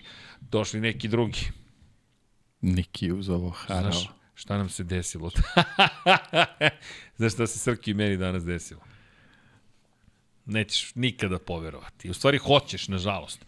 Ali, nas dvojica, Reci pa da vidim da bili smo da na milion mesta danas tokom grada, završavali papire raznorazne, u jednom trenutku ulazimo u autobus, u periodu kada su klinci iz osnovne škole se uputili kućama. I pogledaju nas dva dečkića, ulazimo na srednje vrata, pogledaju nas i ovako ustanu bojice. Kaže, izvolite. Poraz. Poraz. Poraz. Poraz. A mi onda da ne bi ispalo da ne poštujemo momke, fist bump, ajmo, kao daj vamo, bum, bum, bum ali eto, dama iza nas da sedne, stvarno, stvarno starija gospođa, čak i od mene, je bila iza, bakica jedna i kažemo, izvolite i ovi momci njima neprijatno, a Srki i ja vrištim od smeha, ne možemo da verujemo da sam ustali i kao, izvolite. Jer onda, ko mi ustaje, čekaj, ja, ja ovde ustajem ako treba. E, kraj kraj, koliko imaš 76 godina, kraj, to ti piše na majici, koliko imaš godina. I jao, katastrofa. Ali dobro, Srki, ja smo se lepo zabavili, jedino što je Srki sluša ih šta pričaju posle toga, a klinci kreću da pričaju, jao, da li sam poneo pernicu? Mislim se, e, e, mlake misli Cezare. Ali u svakom slučaju, eto, deki, to smo doživjeli. Tako da, officially I am old. to je sve što ću reći na tu temu i neću vas više zamarati tim nepotrebnim informacijama. Elen, uh, da li imamo neka pitanja? uh, dakle, nisi više omladina crke, nisam, nisam. Uh, Uh, Muđela Rabijata, pa nije RB otišao od Marka nego od Honda. Pa dobro, ali nije ni ispratio Marka u... Ali da, nije otišao sa Gresini, Marko. nije otišao da. sa njime i dao pare ekipi. Ostao je njegov lični sponsor. Srkijeva kratka horor priča. A, Luka Bjelić, uživao sam vašem podcastu, moći živjeli bajkeri, ljubitelji motociklima, tako je, tako je. Um, da li se zna kada će Relive biti na kanalima? Ajde da vam ne obećavam, pošto trenutno radimo toliko stvari paralelnih da ne smem da obećam. Potrudit ćemo se da bude što pre, o, da, da, da, da popunimo stvari onako kako treba, da jednostavno ispoštujemo sve timove, jer zaista nema smisla da se to ne uradi. A, da li vam a, e, VR liči na Nastro Azuro Honda? Ljudi izbliza ni blizu Nastro Azura. Bukvalno, ja ne znam da li smo uspeli da prenesemo uopšte boju kako izgleda. Uživo je drugačije. Neki, mi smo pokušali, mi gledamo fotografiju, gledamo snimak, ali ne možemo da prenesemo kako izgleda boja uživo. Da, fluorescentna je boja, nije, nije spot žuta, nego baš je fluorescentno. Kao da, kao da kao da svetli u mraku. Bukvalno kao da svetli u mraku. Izgleda, da. I verujte, potpuno su, niko od nas novinara nije znao šta je fluo stream. Svi smo čekali, pri čemu Fluo Stream, znate kolikim slovima je pisalo Da, čekali smo novog sponzora, bukvalno. Bukvalno, Fluo Stream je bilo... Niti bilo čim na govešnom, sjajno je određena prezentacija, zaista. Baš su nas zaintrigirali, onda mi dođemo i kažemo, čekaj, Fluo... Na, za razliku od Gresinija koji ima ono, pozivnice u boji motocikla koji će biti. Čekaj, Muhamed Hajdari pita, može odgovor na pitanje iz četvrtka. Nisam ispratio, izvinjam se, Muhamede, šta je beše bilo pitanje? To jest, ispratio sam, ali godine, evo, ustoji mi deca u autobusu. Tako da samo ponovite, Muhamede, odgovorit ćemo. Što kaže Branislav, u Kataru ima da blješti. Blješteće ozbiljno. E, De Banja, da li mislimo da je, da li misliš da je Acosta poslednji vozač koji ugrožava rekord Markeza kao najmlađi pobednik MotoGP-a s obzirom na ograničenje godišta u Moto2 klasi? Pa, vrlo verovatno. Vrlo verovatno teško će neko uspeti da se... Kao isto i sa Maxom Verstappenom. Kako neko da bude mlađi kad je on ušao kao maloletan u Formulu 1, sada ne možete maloletni da budete. Mislim da ste u pravu. E, e, Igor Zelac, da li će biti otkazana velika nagrada Argentine? Iskreno ne znamo. Spominjali smo je malo pre, ali sad da vam kažemo da li Zaista će biti ili ne. Zaista nema veze s organizatorima, da. nego sa... Eto, pa vlada je tako vlada, odlučila. Vlada će tako da odluči. E da. da, nismo dali komentar, Dragan Matić pita, jedino Martin se nije pojavio u Portimao od Ducatija, Ducatista, od Ducatista. Ducatista. Ne znam. Ne znam, da. Ne znam, ne znam. možda je slavio svoj rođendan. Rekao. Ili možda već na putu za...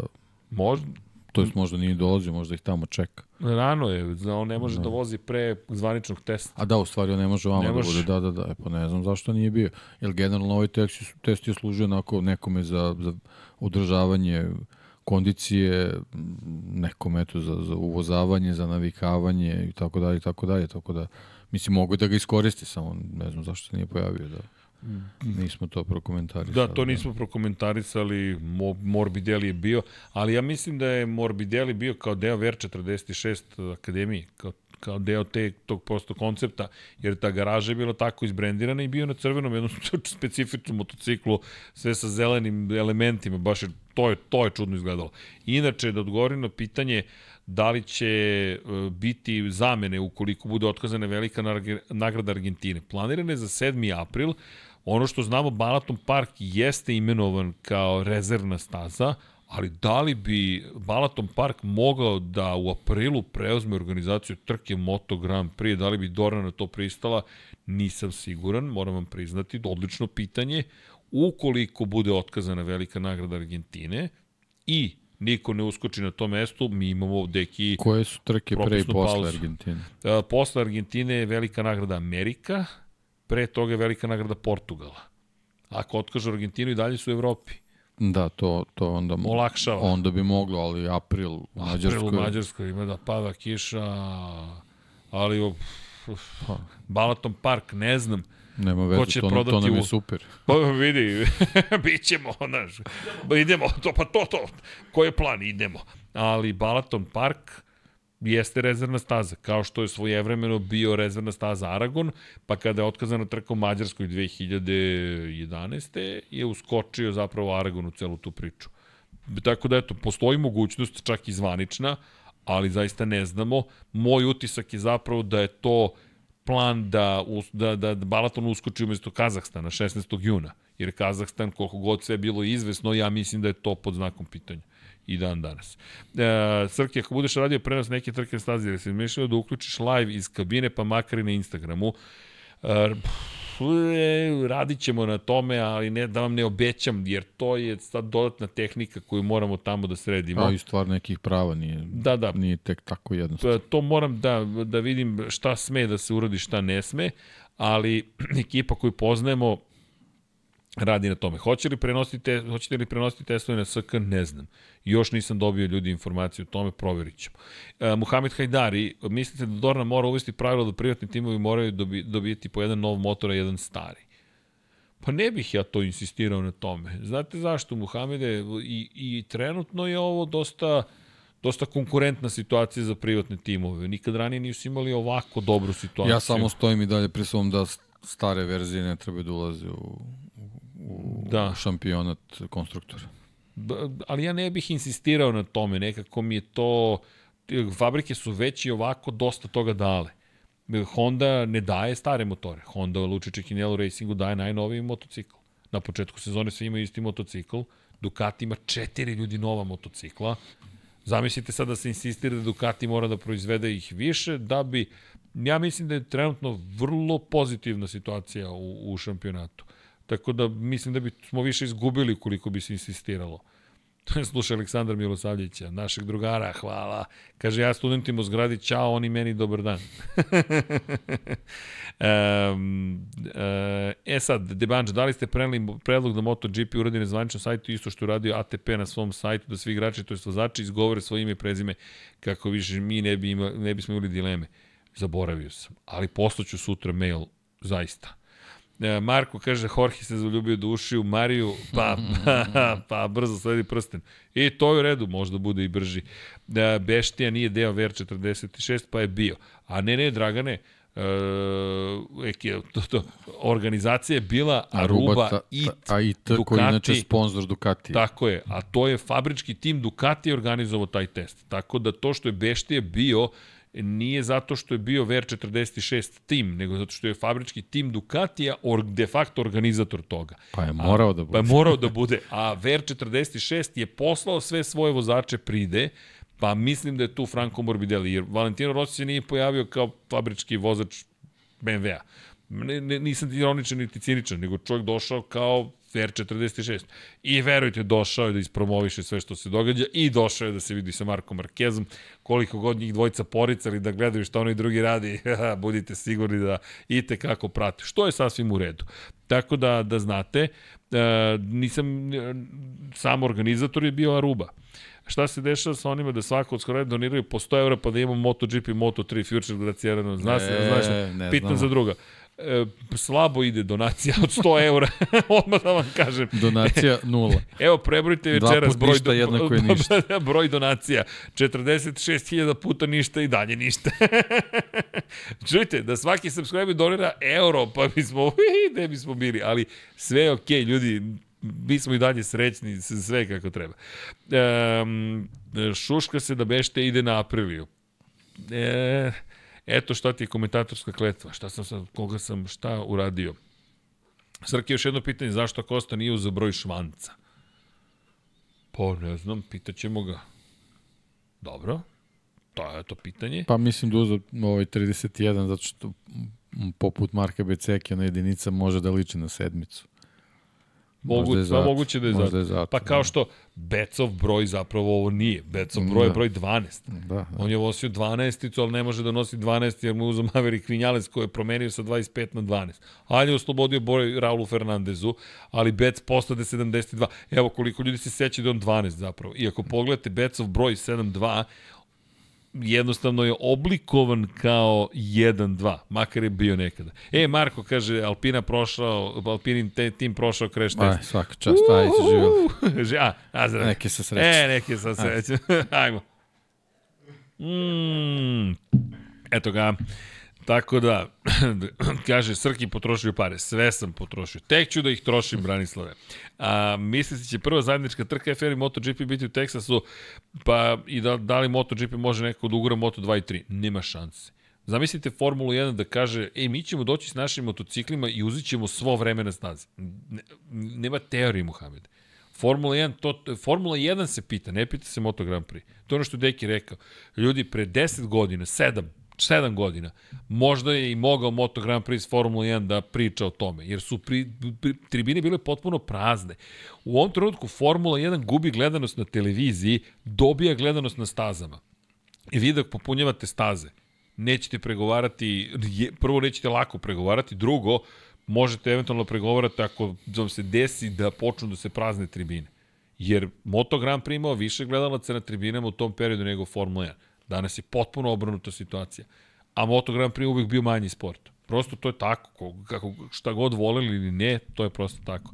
E, da odgovorim ponovo, da li će biti prenosa testova, ne znam. Evo iskreno, ne znam, nisam, nemam nikakvu informaciju. Ukoliko dobijemo, svako ćemo vam preneti. Kaže Nemanja, bit će dobra ako počne kao prošle. Da samo da se ne počne kao prošle godine. Da, da, hvala. Bez povreda, bez povreda. Uh, Srki, daj pitaj deke ko pobeđuje Super Bowl. ko pobeđuje Super Bowl? da. 49ers. Uh, I reče, apropo jučerašnjeg podcasta, ja pamtim dva puta da ste opsovali kada ste citirali Rosija iz knjigi o Isle of Man, tu je rečeno nekoliko psovskih, već sam ispričali priču o Rakiji. Sam pričao priču o Rakiji. E, izvinite, ostarilo se. Uh, dobro, idemo dalje. Najveća ličnost automotosporta je u MotoGP-u, ne u Formula 1. Je, zavisi gde izmerite to sad. To gledanost Formula 1 je e, takva. Kaže u odsustvu Tigrića kome je deki naklonjeniji. 49. 49, ja. Dobro, 49ersi, staza Kota mislim da će biti, jer ne moraju puno napraviti da... Pa, ili Kota ili Barcelona, ali ja mislim da će biti Amerika. Ne misliš Barcelona? Ne, ne, ne Amerika, Amerika. Mislim da će u Americi prosto da, da, da, da gore.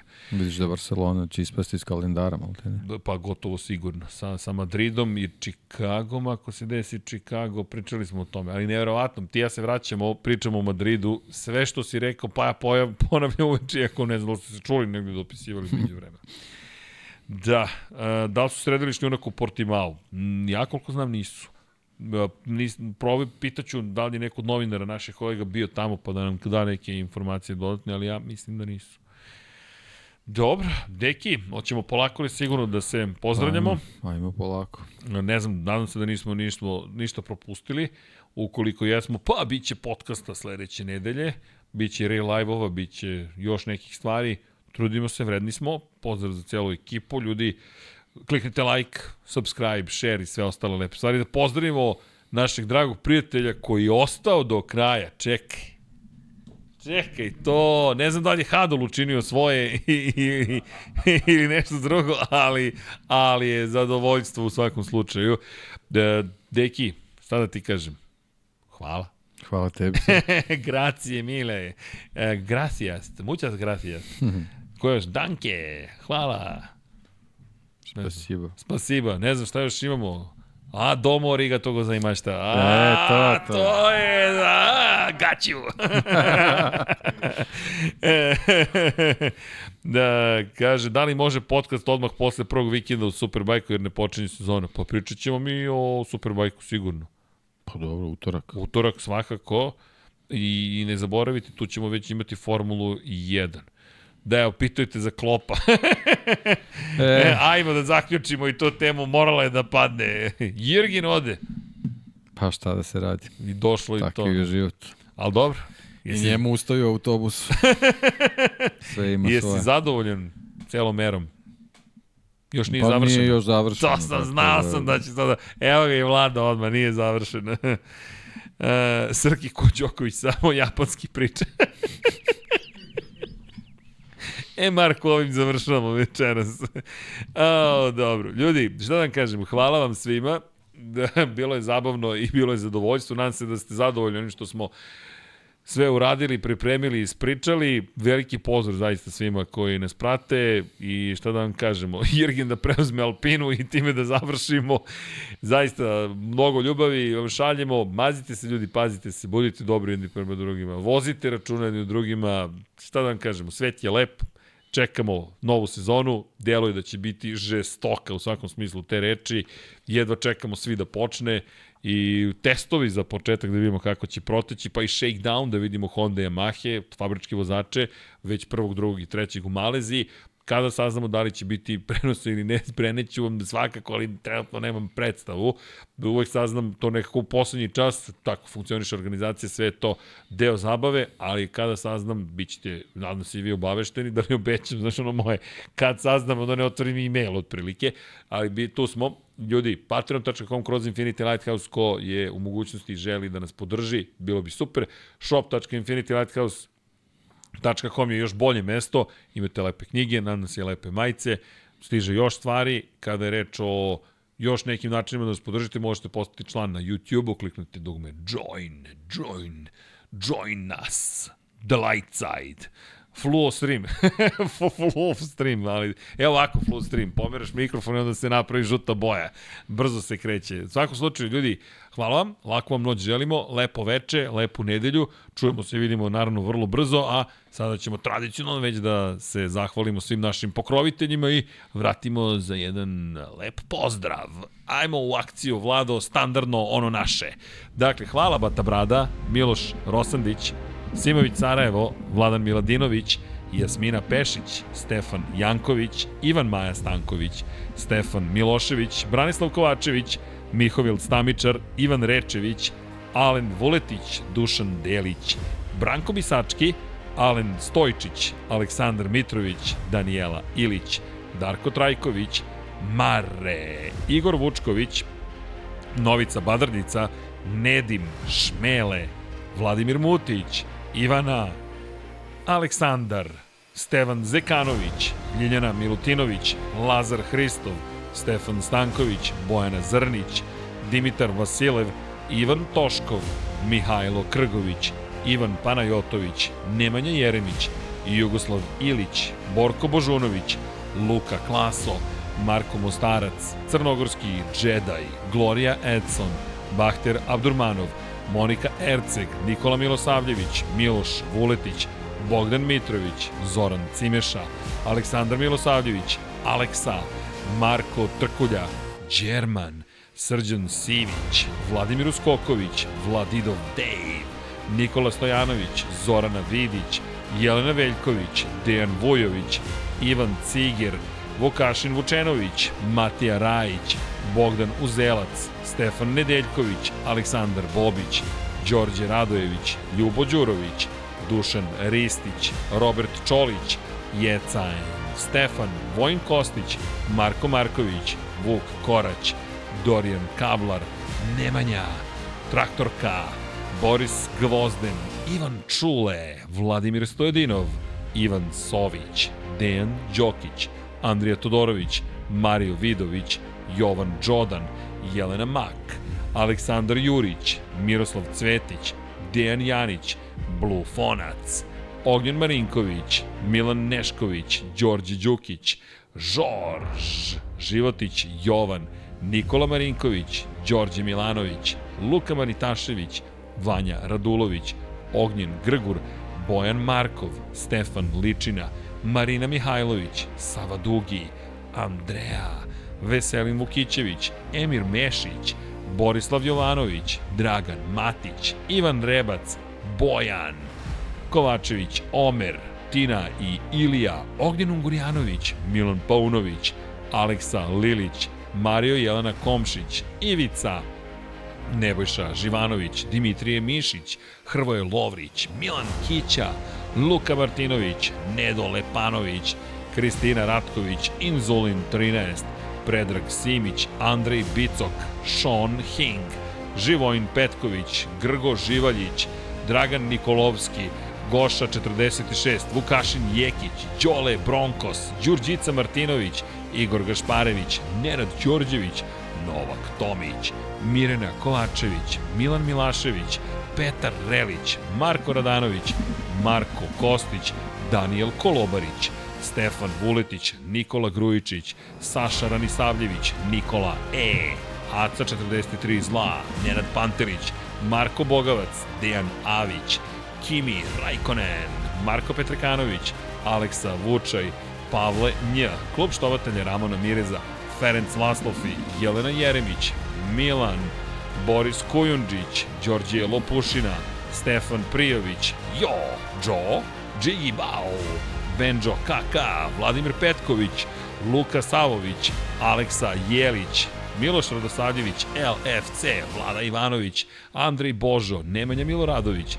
Jasenko Samarđić, Mladen Mladenović, Đole Cheesehead, Kristijan Šestak, Matija Binotto, Miloš Todorov, Da žena ne sazna, Milan Ristić, Strahinja Blagojević, Bojan Bogdanović, Zoran Baka, Mladen Tešić, Igor Jankovski, Branimir Petronijević, Klara Gašpar, Antonio Novak, Aleksandar Antonović, Stefan Radosavljević, Toni Ruščić, Andreja Miladinović, Aleksandar Radivojša, Miloš Brodanović, Dušan Petrović, Miloš Banduka, Šefko Ćehić, Danka, Miloš Rašić, Deus Nikola, Nikola Beljić, Jugoslav Krasnić, Sead Šantić, Đorđe Andrić, Nedim Drljević, Predrag Pižurica, Strahinja Brajanoski, Ćole QB4, Damjan Veljanoski, Marko Horg, Peđa Janković, Admir Dedović, Mirena Živković, Nenad Simić, Armin Durgut, Vladimir Jovanović, Ivan Maksimović, Stefan Vidić, Aleksandar Banovac, Anonimus Donatorus, Laslo Boroš, Lj. Đurović, Stefan Lešnjak, Zoltan Mezeji, Ivan Simeunović, Nemanja Labović, Milan Apro, Nikola Božinović, Marko Blagojević, Ivan Milatović, Vambli Sapa Art, Mladen Krstić, Denis Špoljarić, Safet Isljami, Andreja Branković, Anonimus Donatorus, Roko Marović, Dario J, Branislav Milošević, Aleksandar Anđelić, Anonimus Donatorus, Neđo Mališić, Matej Sopta, Marko Kozić, Boris Radović, Branislav Dević, Miloš Broćeta, Ivan Zlatko Vasić, Renata Neš, Martin Gašpar, Tijana M, Armin, Branimir Kovačev, Ružica Stefanović, Marin Antunović, Davor, Filip, Salim Okanović, Boris Erceg, Borislav Vukojević, Josip Kovačić, Vladimir Filipović, Aleksa Valter, Vučinić Miroslav, Bojan Mijatović, Dejan Avić, Petar Nujić, Katarina, Nemanja Zagorac, Mlađan Antić, Luka, Aleksandar Čučković, Bojan Majstorović, Marko Ćurčić, Zoran Majdov, Nenad Ivić, Lazar Pejović, Stefan Dulić, Zoran Šalamun, Branimir Rijavec, Lukas, Ertan Prelić, Kosta Ivanov, Ante Primorac, Nemanja Miloradović, Resničanin, Ramzes Rama, Ivan Vincetić, Milan Herceg, Zoran Baka, Amar Taso, Domagoj Kovač Rajkov, Bojan Markov, Milorad Reljić, Konstantin Linarević, Nemanja, Pavle Lukić, Zoran Mladenović, Vladimir Vujičić, Eldin Polovina, Uroš Čuturilo, Saša Stevanović, Pujo, Karting centar Jagodina, Nikola Hrnjaković, Slaven 84, Vojslav Tadić, Aleksandar Jokić, Goran Mrđenović, Ivor M, Future Graciano Rossi, Jovan Bojanić, Marko Jevtić, Ada Sokolović, Deni Fejzić, Škundra, Milan Kamarunić, Drago Veković, Alen Jesenović, Vlada Ivanović, Mrča, Omer Sarajlić, Miloš Zed, LFC, Milan Knežević, Kromid, Miloš Rašić, Nikola Vulović, Nikola Grđan, Stefan Škrbić, Edin Ustavdić, Bojan Stanković, Marko Lučić, Vladimir Bulatović, Nikola Adamović, Luke Williams, Igor Ninić, Tatjana Lemajić, Igor Ilić, Ejhel, Vuk, Mateo Miholić, Aleksandar Kockar, Dejan Janić, Ivan Magdelinić, Lunatic Soul, Nemanja Cimbaljević, Aleks Vulović, Predrag Zec, Toni Soni 76, Blagoj Ačevski, Vladimir Subotić, Igor Vranić, Pancer, Stevie G 8MM93, Vladan Đurić, Aleksandar Stojković, Ivan Novaković, Filip Knežević, Almedin Ahmetović, Dejan Plackov, Plackov, Dinstero, Zlatko Marić, Bruno Jurić, Nikola Božović, Ivan Hornjak, Nikola Grujičić, Jovan Bajić, Branko Rašević, Petar Bjelić, Nikoleta Minić, Žika Su, Josip Buljovčić, Jelena Jeremić, Srđan Ćirić, Miloš Stanimirović, Marakos, Galeksić, Uroš Ćosić, Josip Daničić, Oliver Nikolić, IP, EP, Ivan Božanić, Vladan Miladinović, Tomić Miloš, Ivan Vujasinović, Aleksandar Egerić, Bojan Gitarić, Vlado Jurčec, Mateja Nenadović, Krorobi 00, Bakadu, Đera 7, Anonimus, Donatorus, Đorđe Janjić, Nemanja Bračko, Aleksandar P, Marko Bogavac, Mensur Kurtagić, Peja MD, Mirko Novaković, Nedžad Mrakić, Andreja David, Katarina Stepanović, Almir Vuk, Aleksandar Radivojša, Marina i Đorđe Pavić Vujković. Idemo! Akcija, preživjeli su gledaoci u studiju, sve kako treba, nadamo se da ste vi sa nama. Vlada se smeje, znaš da je stanovio Paja da se smeje na moje fore jer je u fazonu ajbolje da se smejem. ne moraš, Vlado! Šta ti dobra šala? E, kaže, e, sve pohvale za sajt predobo određen. Hvala, pozdravit ćemo Nikolinu i Nikolu, ekipu koja je sve uradila. Ljudi, šta vam kažemo? Želimo vam još jednom lepu, laku, divnu noć. Vidimo se sledeće nedelje, ko zna kada, deki kada će biti ponovo u studiju, možda i ranije, 99 yard imate u petak pod kapicom, 1 na 1, samo kliknite subscribe i moći ćete sve to da lepo da ispratite, a za sada veliki pozdrav od ekipe kojima ustaju u autobusu ili makar meni. Laku noć i naravno mazite se i pazite se i Ćao svima! Ciao, Lab 76.